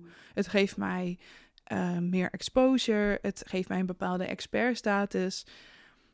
Alleen, um, ik kan niet claimen actief antiracistisch te zijn als ik dit soort acties niet doorvoer. Als ik het alleen maar zeg. Want dat is performative allyship. Als ik alleen maar zeg dat ik ergens tegen ben en mijn acties niet rijmen met mijn woorden. Um, um, hoe noemen ze dat ook alweer? Uh, virtue signaling noemen ze dat ook wel. dus nou, om even terug te komen op wat ik op zo'n moment doe, is eigenlijk niks naar de persoon. Stel dat ik het idee heb van, oh ja, deze toon staat mij niet aan, dan zeg ik sowieso daarover al niks tegen de persoon, maar dan ga ik even met mezelf zitten en dan stel ik mezelf de vraag, soms gewoon echt, dan sluit ik mijn ogen en dan zeg ik echt in mezelf tegen mezelf, Lisa, wat zit je nou zo dwars? Is het angst? Is het ehm, woede? Is het, eh, wat is het? Wat zit jou hierbij dwars? En, en, en wat, welk, waarom voel je je zo aangevallen? En soms kom ik erachter dat ik het echt niet eens ben met wat iemand zegt. En dan heb ik het niet nu per se over personen van kleur. Het kan ook ergens anders over Mhm. gaan. Ehm, ik, bijvoorbeeld laatst eh, las ik, eh, kwam er een, ehm, een, een, een soort opsomming van... Ja, je kent wel die tegeltjes in Instagram waar dan bijvoorbeeld... eh, eh, White Privilege 101. En dan kan je zo swipen en er staan dan allemaal verschillende dingen op. En er ging er eentje over ehm, dat heel veel witte mensen niet vegan zouden zijn als dieren in onze taal konden praten. Ik heb die gezien. Omdat- Ja, Ja, omdat zij ons nu eigenlijk niet kunnen corrigeren op wat wij doen. Zij kunnen niet zeggen of ze het er wel of niet mee eens zijn. Ehm, als in, zij kunnen niet zeggen of ze het wel of niet eens zijn met onze tactieken, laat ik het zo zeggen. Ik kan niet tegen mensen die zeggen dat dieren geen stem hebben, want die hebben ze overduidelijk wel. Alleen, weet je, omdat ze niet in onze taal spreken, wil niet zeggen dat ze geen stem Ja. hebben. Ehm, en eh, er stond dan ook bij, dit is ook waarom heel veel witte veganisten zich niet mengen in de antiracisme-strijd. Omdat ze af en toe op een plek worden gezet terecht. En eerst dacht ik, wat de fuck? En ik ben toch zo goed bezig en ik ben zo niet. En toen dacht ik bij mezelf, fuck man, dit is gewoon waar. Dit is gewoon echt waar. Dit is gewoon, het is zoveel... ehm, ik wil niet zeggen dat het makkelijk is hoor, om voor dierenrecht en dierenwelzijn te strijden. Absoluut niet, maar het is in een bepaalde, bepaald opzicht zoveel makkelijker om te strijden voor een groep die niet in woorden aan kan geven Mm. of ze het wel of niet eens zijn met de manier waarop jij voor ze strijdt. Ehm, wij kunnen niet, eh, zoals wij dit nu doen, eh, ik kan niet op die manier, niet om jou nou met een dier te vergelijken, zo bedoel ik het niet. Maar ik kan niet zo even tegenover een koe gaan zitten en gaan zeggen, joh, we hebben deze plannen. Ehm, ben je het hiermee eens? Ja. En die koe kan mij niet instrueren op... Ik wil je echt niet met een koe vergelijken, sorry. Ik vind koeien hartstikke mooi beesten, maar... sorry als dit heel fout overkomt, maar ik kan niet... Diegene kan niet tegen mij zeggen, ja, ik vind die strategie eigenlijk niet prettig. Nee. Zij hebben geen boeken voor ons geschreven. Ehm, en, en dat was dus een heel belangrijk voorbeeld waarbij ik eigenlijk wilde gaan toonpolicen in mijn hoofd. En dus bij mezelf even incheckte en dacht, ben ik het gewoon niet... Vind ik het gewoon moeilijk om dit te horen of is het echt niet waar? Nou, zo, tot zover mijn monoloog. maar ik, ik vind dat wel, dat, dat, dat is wel inderdaad precies het, het belangrijkste om te doen. Om dan te checken van, oké, maar wat gebeurt er bij mij? Want in, Ja. ik, had, ik had laatst ook een, een eh, gesprek. En toen, eh, ik ben, ik ben net een klein meisje. Ik ben niet zo, ik, ben niet zo intimiderend volgens mij. Eh, Dus ik was in gesprek met, eh, met een man en het ging over racisme. En die zei dus op, op een gegeven moment van... ja, maar jouw, ja, jouw lichaamshouding en, je, en je stem. En ik merk helemaal dat je... ja, ik weet niet meer precies wat zijn woorden waren. Maar hij was ongemakkelijk met de manier waarop ik uitsprak... dat ik het niet oké vind hoe er eh, Ja. met racisme om werd gegaan. En op dat moment zou het fijn zijn geweest als hij het had kunnen onderscheppen bij zichzelf. Omdat daarna ik namelijk denk, oh help, ik ga mijn boodschap niet, eh, niet kunnen vertellen. Want het, het ges- gesprek heeft een, Ja. een wending genomen waarin het Ja. ehm, moeilijk is om weer, weer samen terug te komen op waar we het over hadden. Ja, en, en eigenlijk ook niet veilig voor jou. Ja. Want er wordt eigenlijk van jou verwacht dat jij jouw hele terechte ehm, emotie onderdrukt om jouw boodschap ehm, verteerbaar te maken voor, in dit geval, eh, sorry witte mensen, een fragiele witte persoon. Want dit is witte fragiliteit. En dat is een, een, een begrip waar heel veel mensen, heel veel witte mensen heel veel moeite mee hebben. Ehm, witte kwetsbaarheid of witte fragiliteit is eigenlijk het ongemak en de verdediging van een wit persoon wanneer die geconfronteerd wordt met bijvoorbeeld informatie over eh, racisme of de manier waarop iemand iets zegt en jou dat niet bevalt. Daar moeten wij zelf mee aan de slag. En ook dat jij iets zegt met emotie maakt iets niet minder geldig. Nee. Dat is ook zo'n argument wat altijd wordt gebruikt. Ja. Ehm, waardoor ook de witte man altijd maar als het neutrale, ehm, hoe noem je het? De ratio wordt gezien. Het, het neutrale middelpunt. Maar neutraliteit Alsof, bestaat niet in dit, dit ja, neutraliteit bestaat niet. Het, zij kunnen alleen neutraal zijn in het gesprek omdat het hen niet rechtstreeks aangaat. Ja, ze, en dat is niet iets om trots op te zijn. Nee, maar het, het, is ook niet neutraal. Als in, er wordt gedacht dat dat neutraal is, maar... Ja, ja, ja, ja. Ja, ja dat... Uh, Absoluut. Dat is een, een, uh, een façade, dat is niet zo. Ja. Nee, klopt. Klopt. Nog een belangrijk. Uh, of nou ja, eigenlijk bevestigt dit ook nogmaals waarom we dus wit moeten gebruiken en niet blank. Oké, okay, we volgende valkuil. Het white savior complex. Ja. Daar heb je vast iets over te vertellen. Ja. Misschien moeten we eerst even een beetje goed duiden wat het nou eigenlijk inhoudt. Want het heeft natuurlijk heel veel verschillende manieren waarop het zich kan uiten. Ja. Nou, het White Savior complex houdt. Je kunt het uh, bijvoorbeeld terugzien in um, studenten. Ja, ik praat over onderwijs, want dat is mijn vak. Maar uh, stu bring it ja, studenten of, of mensen die naar, bijvoorbeeld naar Afrika gaan om daar uh, Engelse les te geven. En ik heb er altijd heel veel moeite mee. Want um, als je Engels docent bent en je gaat er naartoe om Engels te geven, nou goed, dat is je vak. Je gaat ergens anders lesgeven. Oké, kan ik ja, me nog Jij kan jezelf nog afvragen of jij dan degene moet zijn die daar les gaat geven, maar... Ja, sowieso, want um, het liefste wil je natuurlijk dat, dat, dat uh, kinderen en studenten les krijgen in de context die zij kennen. En als jij die context niet kent, ja. dan uh, is het uh, een beetje arrogant om te denken, nou, ik kom wel even binnen en ik kom jullie... Ja.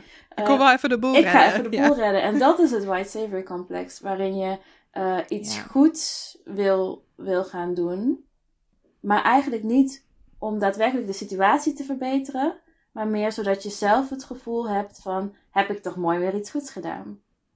Ja. Ben ik toch mooi de redder hier? Want het is heel fijn om een redder te zijn. Um, Absoluut. Maar dat is niet helpend. En dat zie je dus, dus, dus um, nou ja, mensen die dus naar Afrika gaan bijvoorbeeld om dan daar Engelse les te geven, die helemaal nog nooit voor de klas hebben gestaan, geen Engels gestudeerd hebben, dat soort dingen. Dan denk ik, oh, maar hoe dan? Ja, maar ook de arrogantie. Waarom denk je dan dat jouw lesgeven niet goed genoeg is voor kinderen in Nederland, maar wel voor kinderen in een, weet ik veel, West-Afrikaans land? Ja. ja, en waarom denk je dat je het beter, dat jij de persoon bent in plaats van de de mensen die daar leven en opgroeien en weten wat de context is van. Uh, Dat is ook bijvoorbeeld, um, dat zie je terug in de, de schoolboeken die ze, ik weet niet of het nog steeds zo is, maar in ieder geval vroeger hadden op Curaçao. Die waren heel erg uh, Europees-Nederlands gericht. Hmm. Dus de, zij leerden meer over uh, de Waddeneilanden dan de eilanden om hen heen, zeg maar. Dat is niet oké. Nee, is niet oké. Nee. En dit gebeurt trouwens nog steeds. Hè. Wij, wij sturen heel veel docenten vanuit Nederland naar Curaçao om daar les te gaan geven. Wow. Ja. nou ja, we gaan het nu niet uitgebreid hebben over Curaçao, want daar hebben we geen tijd voor. Maar ook hoe er om wordt gegaan met de voormalige Nederlandse Antillen. Dat heel veel mensen niet eens weten dat het voormalige Nederlandse Antillen zijn, ja. zegt al heel veel. En ook hoe daar om wordt gegaan met mensen vanuit onze overheid hier is echt walgelijk. Maar uh, goed. Andere Daarvoor. Uh, ja, zeker. Voor de mensen die daar meer over willen lezen. Um, dat kan je onder andere doen via One World. En dan moet je eventjes um, intypen, bijvoorbeeld Curaçao of Antillen. Um, in het zoekbalkje. Daar is, er is onlangs een heel goed artikel over geschreven. Over uh, de scheidende uitwerking van, nou ja, eigenlijk het totale gebrek aan inmenging. Of ja, inmenging is het niet eens, sorry, maar steun vanuit Nederland. Inmenging moet ik het absoluut niet noemen. Dat komt bij White Savior complex naar boven. um, even denken. Um, nog even eentje. Ik denk dat het ook heel belangrijk is om, um, of een valkuil waar veel mensen invallen, die we ook al een klein beetje hebben besproken, is dat dat witte mensen zeggen: Oh, ik schaam me zo. Ik schaam me zo voor mijn eigen volk. Ik schaam me om wit te zijn. Oh, wat verschrikkelijk dat dit allemaal gebeurt in de wereld. Ik kan het bijna niet geloven. Ik heb het idee alsof dit meer schade toebrengt dan dat het helpt. Heb ik daar gelijk in? Ik denk het wel. Ja, ja want aan die schaamte heeft niemand iets. En um, dit gaat ook. Uh, het raakt aan het idee van schuld. En ik denk dat het niet helpend is voor jezelf om jezelf als schuldig te zien. Dat, dat is één, zeg maar. En uh, tegelijkertijd, als je zegt: Ik schaam me zo voor de rest van de wereld, dan eh, geef je jezelf ook toestemming om jezelf daaruit te halen. Ja, ja. En ik wil niet zeggen dat je je moet schamen voor jezelf. Maar ik denk dat op, op die manier die uitspraak inderdaad niet helpend is. Want um, je kunt het. Kijk, het is gewoon een crappy situatie. Het is gewoon niet leuk. Het is vervelend. En dat, mag, dat vindt iedereen, denk ik. Um, en dat kan je echt wel benoemen. En dan gaan we kijken wat we kunnen doen. Maar het, het risico is denk ik dat je bij schaamte, als je zegt ik schaam me er zo voor, en, uh, dan ja, kun je dus jezelf, je kun je afstand nemen. Ja, en je handen ervan aftrekken. Ja, je handen ervan aftrekken. Ja. Wat zou je in zo'n geval zeggen, wat is dan wel helpend, desnoods als vervolg op zo'n uitspraak? Ik denk dat het belangrijk is om te erkennen wat de situatie is. Als in, nou, ik vind deze situatie niet oké. Ik vind het, dat het niet, de wereld niet zo zou moeten zijn. En dan vervolgens, um, ja, dit is eigenlijk ook dat ongemakkelijke gevoel waar jij het net over had. Kijken waar komt die vandaan en wat kan ik ermee. En ik denk ook niet dat je dat moet wegstoppen, absoluut niet. Je moet niet doen alsof het er niet is. Maar ik denk dat we allemaal aan de slag moeten met het ongemak wat we, wat we hebben. En um, vervolgens de stap maken naar: oké, maar wat kan ik dan in mijn, in mijn leven doen? En wat kan ik dan, ondanks dat ik eigenlijk wil zeggen dat ik me schaam, wat kan ik, wat zit er echt onder? En wat kan ik daarmee? Ja, ja, en ook, misschien ook wat, wat kan ik daarin betekenen? Wat kan ik echt doen? Ja, wat kan ik doen? Absoluut. Bijvoorbeeld, kan ik met iemand in mijn omgeving in gesprek gaan? Um, uh, die bijvoorbeeld een racistische uitspraak doet, of het nou impliciet of expliciet, is, of bedoeld of onbedoeld. Um, kan ik hier boeken over gaan lezen? Kan ik een webinar volgen? Kan ik um, een documentaire kijken? Er is, er is, vaak wel iets wat je op zo'n moment kan doen. Ja. En, en, ik denk dat het ook belangrijk is dat we juist wel in actie komen en het niet alleen maar laten bij, oh, oh het is zo erg. Ja ja, die actie is, is essentieel. En, en, en het lezen van een boek is ook nog niet de actie. Dat is ook belangrijk om te beseffen. Ja, ja, ja. Ja, ja dus de, de actie zit hem vervolgens in, in wat kan ik structureel in mijn leven veranderen. Of in mijn werk. Of hè, dat ik help met de stappen vooruit zetten. Als ik dan zeg structureel, dan bedoel ik dus ook dat je bijvoorbeeld op het moment dat... Uh, op je werk iemand iets uh, bedoeld of onbedoeld racistisch zegt, dat je er een gewoonte van maakt om te zeggen: hé, hey, besef je nu eigenlijk wat je zegt? Of um, ja, om dat aan te kaarten. En dat, dat, dat helpt ook bij het creëren van een veilige situatie voor uh, iedereen. Uh, ja, zeker. Ja. ja, en ook bij die angst daarin om te handelen. Ik denk dat het goed is voor mensen om te beseffen dat die angst erbij hoort. En je, we zijn altijd een work in progress. We zijn altijd aan het leren. Um, je, we zullen altijd fouten blijven maken. En er moet ruimte zijn voor die fouten. Weet je, tot op uh, zekere hoogte. Je snapt hopelijk hierbij wel wat ik bedoel. Mm um, maar uh, antiracisme strijd is niet makkelijk. Ja, Het zou niet makkelijk... Als jij geen ongemak voelt, als jij dit niet moeilijk vindt... dan doe je echt iets niet ja. goed als wit persoon. Het is niet de bedoeling dat het comfortabel is. Dus laat die angst er zijn en weet je, handel desnoods imperfect, maar doe wel iets. Ja. Maar die angst zit ook bij mij. Zwijgen is geen optie. Ja, ja dat moeten we ook inzien. Die angst zit ook bij mij, want ik, pra ik praat nu met jou hierover. Um, maar er zit ook een risico aan dat ik dan dat mijn woorden worden gebruikt in uh, als voor iedereen van kleur. En ja, oh mijn god, die heb ik ook opgeschreven als een foto. ja, Ja, en ik ben natuurlijk Ja. helemaal geen spokesperson voor. Nee, natuurlijk niet. Dus, dus bij mij zit er ook ongemak en angst, omdat ik kan ook Ja. dingen zeggen waar iemand anders het helemaal niet mee eens is, of die, waar iemand anders heel anders over Ja. denkt. En ik weet ook niet alles. Dus, Nee. dus dat, Nee, inderdaad. Want ik heb het idee dat heel veel witte mensen dan ook. Tuurlijk, mensen van kleur weten inherent meer over racisme dan wij.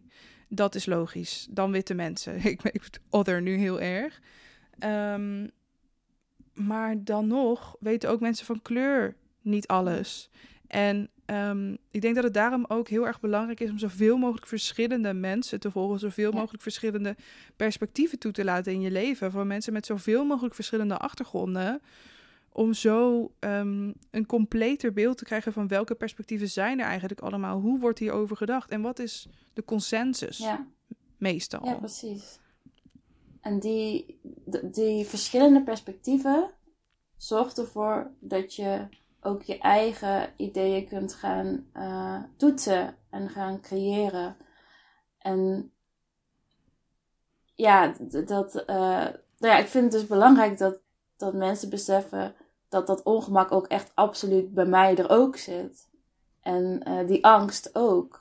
En ondanks die angst vind ik het eh, belangrijk Ja. genoeg dat wij dit gesprek hebben, zodat er weer een nieuw perspectief zeg maar, is waar mensen naar kunnen luisteren, kunnen Ja, eh, ja, laten inwerken en kunnen bedenken van oké, maar hoe zie ik het dan? Ja.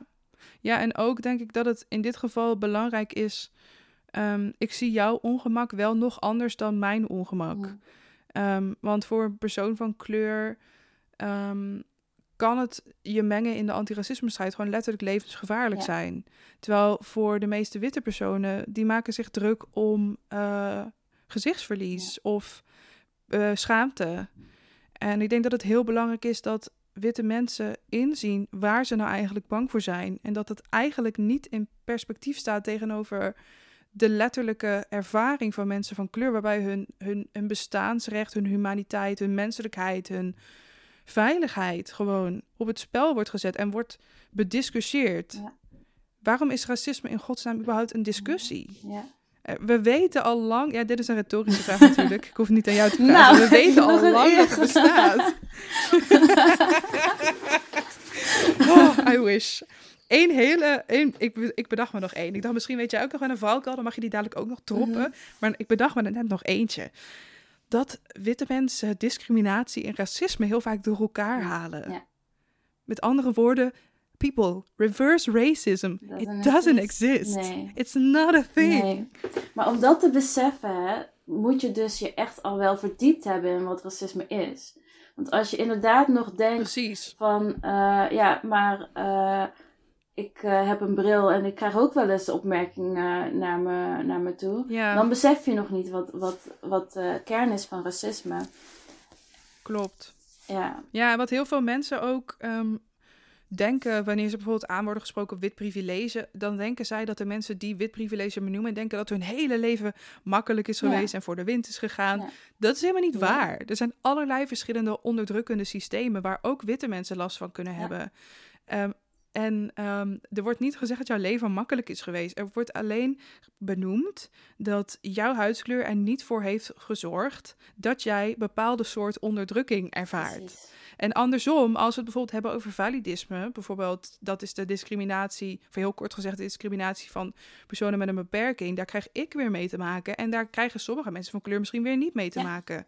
Het een is niet, ehm, nou ja, de uitwerking van de een is af en toe wat wellicht extremer dan de ander, maar het een is niet erger dan het andere, het is gewoon anders. Het is allebei erg op een eigen manier. We hoeven geen Oppression Olympics te gaan spelen met wie het toch het allerergste heeft in de wereld. Mm. Maar privilege erkennen is zo ongelooflijk belangrijk. En een privilege. Ik zeg altijd, daar kan je niks aan doen, maar je kan er wel iets mee doen. Ja, je- zeker. Het zou niet nodig moeten zijn dat je er iets mee doet. Ik zou willen dat, we dit, dat dit gesprek onnodig was, bijvoorbeeld. Ik zou willen dat jij niet eh, je hele hebben en houden bloot hoefde te leggen om witte mensen eigenlijk gewoon te vertellen hoe erg, hoe klote racisme is en wat het met jou doet en waarom het de wereld uit moet. Maar op dit moment leven we helaas in een wereld waarin het wel nodig is. En daarom is het ook belangrijk dat witte mensen in deze hun privilege erkennen, zodat ze die ook in kunnen zetten. En uiteindelijk, ja, is het wel de bedoeling dat we die ook kwijtraken. Ja. ja, en dat privilege, want dat inderdaad, je hebt, je hebt verschillende soorten privilege, privileges. Als in, ik, het is voor mij een privilege dat ik hoog opgeleid ben. Dat, dat brengt me op meer plekken, dat geeft me meer mogelijkheden in dit, in dit leven. Dus ehm, ik denk dat het misschien ook de combinatie is dat witte mensen niet gewend zijn om als wit benoemd te worden. Dus dat dat een onderdeel is waar ze daadwerkelijk iets uh, aan hebben gehad in hun leven, omdat het zo normaal is, zo, zo onzichtbaar bijna. Um, ja, we zijn overal de norm. Ja, precies. Ja. Dus ik, want volgens mij vindt niemand het vervelend, bijna niemand het vervelend als je zegt: je hebt een privilege omdat je hoog opgeleid bent. Dat, dat privilege is er ook. Ja. Um, maar dat, daar, daar raakt niemand van in de, in de eh, verdediging, volgens mij, als je dat zegt. Ja. Ja. Ja, het is gewoon super belangrijk dat we uh, zoiets als dit met een mooi woord intersectioneel bekijken. Dus dat we erkennen dat alle verschillende vormen van onderdrukking die voorkomen binnen iemand ook zorgen voor een uniek model van onderdrukking. Want ik had het straks bijvoorbeeld even over validisme en racisme. Um, stel dat een, een persoon van kleur ook nog een beperking heeft, dan maakt diegene dus als het ware een dubbele vorm van onderdrukking mee. En zo heeft iedereen een, een uniek model van discriminatie. En het is zo belangrijk dat we dat erkennen. Ja, en zo ook zeg maar wat je. Dat, heeft effect ook op de, op de wereld waarin we leven. Dus, dus we weten vanuit de wetenschap dat in een, uh, uh, een teamvergadering bijvoorbeeld iedereen met meer privileges zich veel meer uitspreekt en veel meer ruimte inneemt in, uh, in de gesprekken. Waar als je te vechten hebt tegen allerlei verschillende onderdelen waarop je um, niet de norm bent of waarop je, uh, waar je geen profijt van ervaart, dan spreken mensen zich vaak minder snel ook uit. Dus dat soort dingen, die werken allemaal door op hoe onze maatschappij uh, functioneert. Ja. ja. ja, en als je van dat soort dingen bewust bent, kan je er ook actief naar handelen. Want stel je zit in zo'n vergadering um, en er, er, wordt iemand, een persoon van kleur, zegt een keer iets en er wordt totaal overheen gesproken. Dat je dan nog een keer zegt: hé, hey, uh, ik, ik, noem jou nu even als voorbeeld. Kelly zei net dit. Ik vind het echt een, eh, een goed idee. Wat vinden jullie daar eigenlijk van? Ja, dat zijn van. Dat zijn en het zou niet nodig moeten zijn, maar. Ja. ja, maar dat zijn wel de acties die ertoe doen. Want dan help je dus uh, te zorgen dat ik mijn stem kan uh, laten horen. En dat is belangrijk. Ja, ja. ja een ander voorbeeld daarbij. Um, dat als er bijvoorbeeld een persoon van kleur een voor westerse mensen een moeilijke naam mm. heeft, dat dat niet aangepast hoeft te worden aan onze normen. Want um, bijvoorbeeld in een team waarin ik zat, daar um, uh, kwam iemand uh, in het team en die had een Arabische naam. En die schreef je anders dan je hem uitsprak. En mensen bleven structureel het verkeerd zeggen. Terwijl, en ik snap dat zij daar niks van zei. Want uh, ik word er al moe van, dat zijn als je het zelf bent. Yeah. Um, maar wat ik bijvoorbeeld heb gedaan, en nogmaals niet om mezelf een schouderklopje te geven, maar even om als voorbeeld wat je dan kan doen, is op het moment dat zij er niet bij was, heb ik gezegd: weet, zijn jullie je ervan bewust dat je haar naam verkeerd uitspreekt? Je spreekt het uit als puntje, puntje. Misschien is het goed om daar extra op te letten. Want het is voor haar ook fijn als haar naam ook gewoon goed uit wordt gesproken. Oh ja, oh ja, oh ja. En vervolgens werd die goed uitgesproken. Mm. En dat, dat, dat kan je ook doen als het op hele andere dingen aankomt. Bijvoorbeeld voornaamwoorden die mensen gebruiken.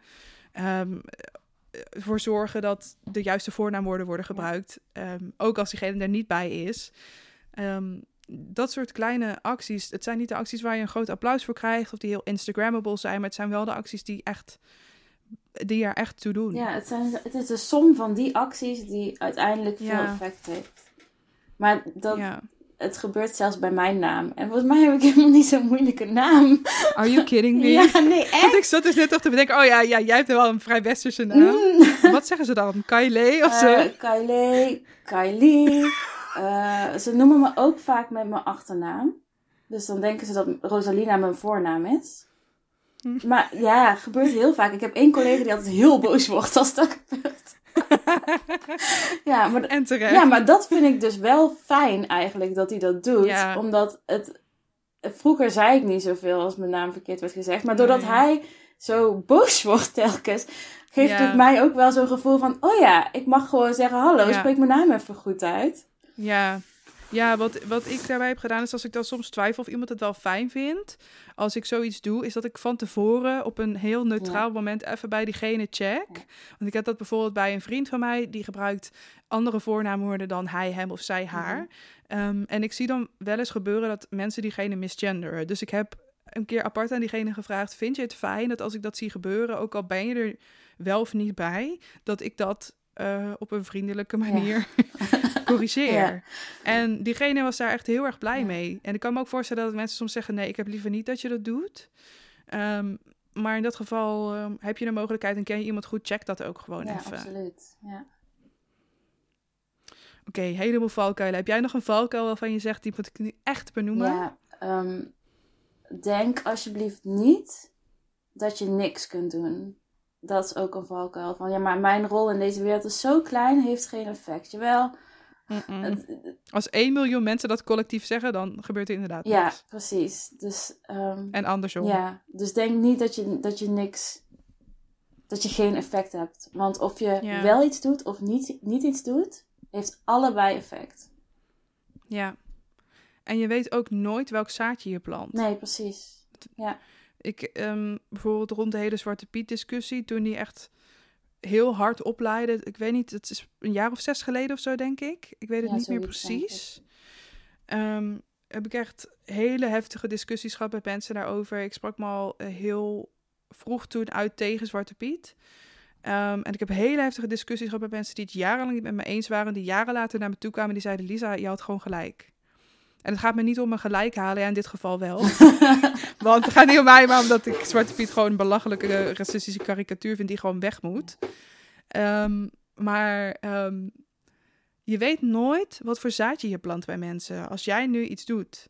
En ook al sta je dan misschien niet op de voorpagina van de krant of heb je niet 10.000 volgers op Instagram. Ook al is jouw actie niet Instagrammable, ook al raak je er maar één iemand positief mee. Ja. Dat is één fucking persoon die je positief raakt. Een mensenleven. Dit, is- dit is zo grappig, want ik, ik krijg zo vaak van mensen te horen een soort van excuus van... Ja, maar ik, ik eh, ben gewoon niet zo van het op social media me uitspreken. En dan denk ik, maar daar gaat het ook helemaal niet om. Dat, Nee, dat vraagt nee. niemand van je, dat is niet de essentie. Nee. De essentie is dat, je, dat je in je eigen leven, in je eigen omgeving, daar stappen maakt. En dan maakt het me echt Ja. niet uit wat je op, op social media zet. Ik Ja. vind het ook fijn dat er veel mensen wel dingen op social media zetten, omdat je daarvan kunt leren. Ja. Maar ehm, Zeker. Ja, maar ik denk dat als we allemaal social media los zouden laten en het in ons persoonlijke leven toe zouden Ja. passen, het eigenlijk nog meer zou veel gebeuren. meer. Ja. Want het is heel makkelijk om te blijven hangen in, oh ja, ik heb een mooi filmpje gerepost, Check. dus dan heb ik mijn plicht weer gedaan. Ja, ja. Mooi veel views gekregen. ja. nu rustig Netflix ja, kijken. precies. Ja, dus die, maar de, de, de, daar haal ik dus wel uit dat mensen dat gevoel wel hebben van, oeh, ik, er Ja. wordt naar me gekeken. Ja. op social media. Ja. En, want het, het komt heel vaak inderdaad als een soort van excuus van ja, nou ja, ik eh, doe dat niet, want eh, ik, ja, ik ben daar niet zo van. En dan denk ik, nou ja, prima, het maakt mij eigenlijk niet zoveel uit wat je op social media Nee. wel of niet zegt. Maar het maakt me wel uit wat je doet in, in de gesprekken met mensen om je heen. En wat je doet op het moment dat je onrecht ziet gebeuren. Want daar zit Ja. het verschil. Absoluut, absoluut. Hey, ehm, ik had één vraag binnengekregen. Die heb ik toevallig een keer tussendoor ehm, binnengekregen. Mhm. En ik heb toestemming gevraagd om die in deze podcast te behandelen. Mhm. Dus die wou ik je graag voorleggen, want ik vond het niet mijn plek om die eh, te beantwoorden. Eh, ik kreeg deze vraag, ik zal hem even voorlezen. Ehm, ik heb er veel moeite mee dat ik van nature een huiler ben en snel emotioneel word door intense prikkels. Maar ik wil ook niet met mijn witte tranen aankomen zetten en daarmee ruimte innemen. Dat maakt me nogal angstig rondom antiracisme ruimtes. Of in ieder geval waar antiracistisch eh, gedacht, gepraat wordt, gehandeld. Ik ben bang emotioneel te worden en ik weet niet hoe ik daar dan mee om zou moeten gaan. Want huilend weglopen trekt natuurlijk ook aandacht. Heb je tips voor mij? Oeh. Ehm, Nou goed, ik ben geen psycholoog, hè? die studie had ik geskipt. dat, uh, oh ja, sorry voor deze vraag. nee, maar um, ja, ik, kijk, op de een of andere manier heb ik het idee dat wij emoties als iets negatiefs zien vaak. En dan vooral huilen en boos zijn. Of uh, verdriet en boos zijn. Um, volgens mij hoeft dat niet ik, ik herken wel het, het, uh, de vraag rondom tranen, omdat het kan voelen alsof je de aandacht naar je toe trekt. En dus ik denk dat het vooral belangrijk is, ten eerste om te, misschien weet uh, degene die de vraag dat stelde dit, dit, al, maar te onderzoeken van, maar waar komt het dan doordat ik emotioneel reageer? Ik heb, als ik met iemand in gesprek ben over racisme, helemaal geen moeite mee als die persoon heel empathisch is en laat zien dat datgene wat ik vertel raakt. Want ik vind het eigenlijk veel erger als er geen emoties zijn bij een onderwerp als dit. Ehm, dus als je tranen, als je verdriet komt, als je tranen komen van empathie, dan zie ik dat echt wel. En dan heb ik niet het idee dat je nu de aandacht naar jou toe trekt. Of dat je, dat, dat je wil dat het om jou gaat. Of, hè? Want dat is eigenlijk volgens mij de angst. Ehm, maar dan heb ik het idee dat je me ziet en me hoort. En dat, we, dat, ik, dat ik er ook mag zijn. Als het niet zo is, als het wel is omdat. Als het voortkomt uit dat ongemak waar we het eerder over hadden dan is het een ander verhaal. Want dan is het belangrijk om te onderzoeken, oké, wat, waar, waar, wat gebeurt er dan en waarom, waarom voel ik me zo rot? Want dan gaat het uh, om jouw emoties op dat moment. Dus volgens mij, ik snap de angst heel goed. En ik denk dat als je, als je oprecht empathisch bent en uh, um, reageert fysiek op prikkels, terwijl je dat misschien niet eens wil, dat dat niet altijd meteen ruimte innemen is. Tegelijkertijd kan het ook zo zijn, hè, want dat is, dat, dit is mijn persoonlijke ervaring. Als ik zie dat je empathisch bent, als ik zie dat je reageert op wat ik vertel en dat het je gewoon raakt, dan vind ik, is er voor mij helemaal geen probleem. Het kan zijn dat iemand anders dat natuurlijk interpreteert als emotioneel belastend voor die persoon. En als jij net aan het vertellen bent over je, uh, ja, dingen die je hebt meegemaakt, dan kan het zijn dat je de emoties van de anderen er even niet bij kan hebben. Dat je daar even niet mee kan, uh, uh, kan dealen. Ik denk dat het daarin belangrijk is om van, te, van tevoren, op het moment dat je zulke gesprekken voert, ook een beetje te weten wat, hoe iedereen's mentale staat is op dat moment. En als je gesprekspartner dat er op dat moment niet bij kan hebben, dan denk ik dat je dat gesprek op dat moment niet moet voeren. Ja, echt een mooi antwoord. Ik hoop en ik denk ook wel dat de vraagsteller daar iets mee, iets mee kan. Ik vond het vooral heel erg mooi dat je ook benoemde dat eigenlijk het feit dat jij empathisch bent, is eigenlijk ook iets heel moois. Ja. En ik denk niet dat we ons daarvoor zouden hoeven schamen. Nee, absoluut niet. Nee. Hey, um, Kelly, tot slot. Is er, wat is voor jou het allerbelangrijkste dat je witte mensen mee zou willen geven die zich actief in willen zetten tegen racisme? Allerbelangrijkste is leer zoveel mogelijk, zodat je uh, patronen en dingen gaat herkennen. En dan vind ik het ook nog vooral belangrijk dat je die patronen en dingen gaat herkennen, dus in gesprekken met andere mensen. Omdat je op dat moment ze kan benoemen dus bijvoorbeeld als je dat, dat uh, um, white saviorism ziet gebeuren, dan kan je het benoemen. En daarmee kun je als een olievlek zorgen dat de kennis verspreidt eigenlijk. Um, dus het allerbelangrijkste, lees, leer, luister, praat. En uh, besef dat je invloed hebt en dat je impact hebt, wat je ook doet. Dus maak kleine stapjes of grote stappen, uh, maar maak ze. Ja, kom in actie. Ja, kom in actie. Mooi. Hey, ehm, ik had uh, de luisteraars nog wat volgtips beloofd. Uh, voor mensen die je kunt gaan volgen als je je eigenlijk verder wilt verdiepen in de antiracisme-strijd, als je meer perspectieven toe wil laten in je leven.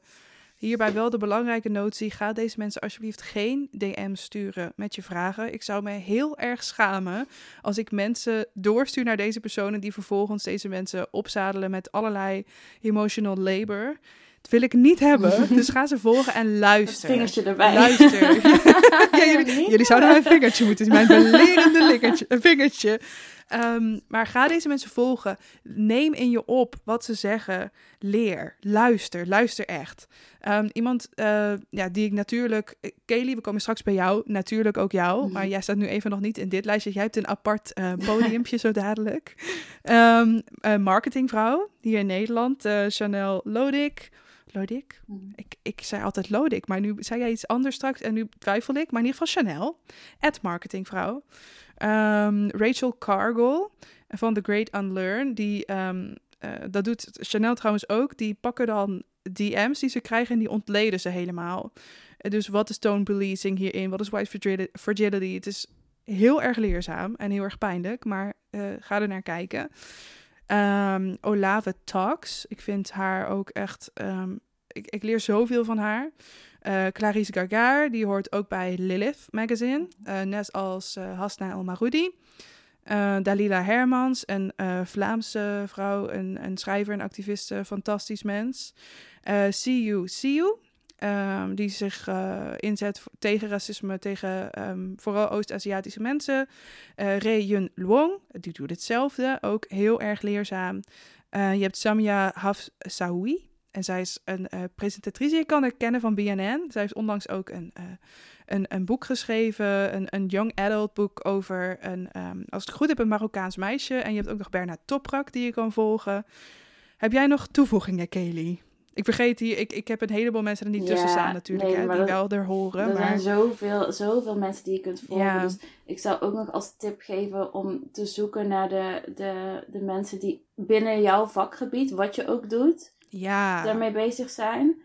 Um, Absoluut. Want in elk vakgebied zijn er mensen die, die zich inzetten en daar bewust uh, um, ja, mee aan de slag zijn gegaan. En dat Ja. geeft je ook misschien weer wat extra handvatten voor wat je zelf kan doen in je werk. Want ik, vind- ik vind werk gewoon hier een heel belangrijk deel, Ja, ding in. Omdat we daar toch best wel, of veel van ons daar veel tijd besteden. Ja. En mensen Absoluut. tegenkomen die ook buiten je eigen bubbel zitten. Dus ik zou vooral ook zoeken, zoek naar mensen binnen, jou, eh, binnen je werk, maar ook je hobby's. Of hè, wat je ook, eh, wat je ook de, Zeker, zeker. Ja, een heel belangrijk iemand voor mij daarbij eh, is eh, Christopher Sebastian. Die houdt zich heel erg veel bezig met alle intersecties rondom ehm, racisme, ehm, LGBTQ, Mm. ehm, veganisme. Ehm, The Christopher Sebastian heet hij op eh, Instagram. Ik heb ook nog wat boekentips voor mensen die zeggen: Nou, ik wil me hier wel echt verder in verdiepen. Allereerst een werkboek. Dat is Me and White Supremacy van eh, Leila F. Saad. Dat is een werkboek, dus daar kan je echt mee aan de slag. Belangrijk ding dat zij daarover zei: Ik zie echt wel het verschil tussen of je het boek leest of dat je het boek doet. Ik heb hem onlangs gekocht en ik ga hem binnenkort doorwerken. Ehm, het boek Het Laatste wat ik nog wil zeggen over racisme van Dalila Hermans. Hallo Witte Mensen van Anousha Nezume. Echt een fantastisch boek. En ehm, waarom ik niet meer met witte mensen over racisme praat. Of why I no longer talk about um, race with white people. Uh, with white people about race. Uh, van uh, Rani Edo Lodge. Heb jij toevallig nog eentje waarvan je zegt deze mag echt niet missen? Als je je wil verdiepen specifiek in hoe racisme in Nederland werkt en in stand eh, blijft, dan uh, zou ik Witte Onschuld van Gloria Wekker uh, zeker ja, lezen. Zeker. Ja, ja. En misschien uh, ook Alledaags Racisme van Filomena S. Ja. Nou, en als je dan zegt, ik wil echt iets heel praktisch doen, dan kan je bijvoorbeeld doneren. En dan dit keer niet aan mij, maar aan de Black Archives, Nederland Wordt Beter, Lilith Magazine of One World. En bij One World kan je ook een abonnement nemen. Dat kost helemaal niet zo, ja, tenminste, ik vind dat niet heel veel. Het is 70 euro per jaar. Um, of zelfs nog minder. Uh, maar voor 70 euro krijg je dan het magazine uh, in print in je brievenbus. Echt een fantastisch magazine. Um, en anders krijg je hem digitaal. En sowieso kan je ook veel gratis lezen op hun website. En bijvoorbeeld een eenmalige donatie doen. Mensen, dit was hem. Heel erg bedankt voor het luisteren. Kaylee, ik ben je zo ongelooflijk dankbaar dat je te gast wilde zijn. Dat je jouw expertise, jouw ervaring met ons wilde delen. Hoe, waar kunnen mensen jou vinden op het internet? En vertel ook nog even wat over je webinar. Ja, ik, uh, nou, je kunt dus me vinden via misschien het beste om gewoon mijn naam te googlen. Dan kom je op Instagram of op mijn website. Um, Kaylee Rosalina. Kaylee Rosalina, ja. En uh, Nou ja, via LinkedIn kan je me ook altijd vinden.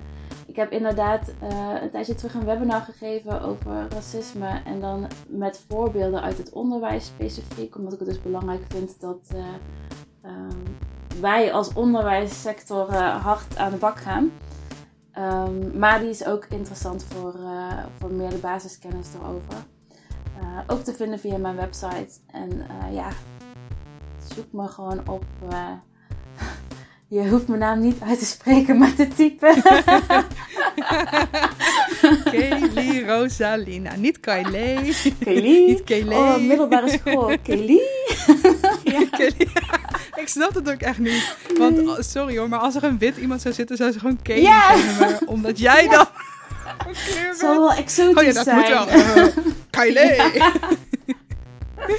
Oké, okay, hey Kelly, echt super, super bedankt. Ja, bedankt dat ik hier mocht zijn. ja, echt. Ik ben je duizendmaal dankbaar. Lieve luisteraar, um, heb je nou genoten van deze podcast en zeg je dit wil ik nog veel vaker? Dan moet je je even abonneren op dit kanaal. Dan krijg je een uh, berichtje zodra er een nieuwe aflevering online is. Volgen, mij volgen, kan via @bigvegansister. Doneren kan via Petje Af, maar ik wil je in deze aflevering eigenlijk vooral vragen om even te doneren bij een van de kanalen die ik hiervoor noemde. Ik zet ze in de show notes. Je kunt mijn boek uh, Laat je horen reserveren.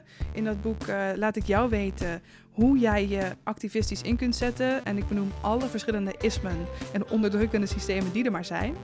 Uh, dat kan via de link in mijn bio of via alle bekende boekenkanalen. Je kan mij mailen mocht je een vraag of een opmerking hebben via lisa.bigvegansister.com. En dan zie of hoor ik jou heel graag de volgende keer weer. Doei doei!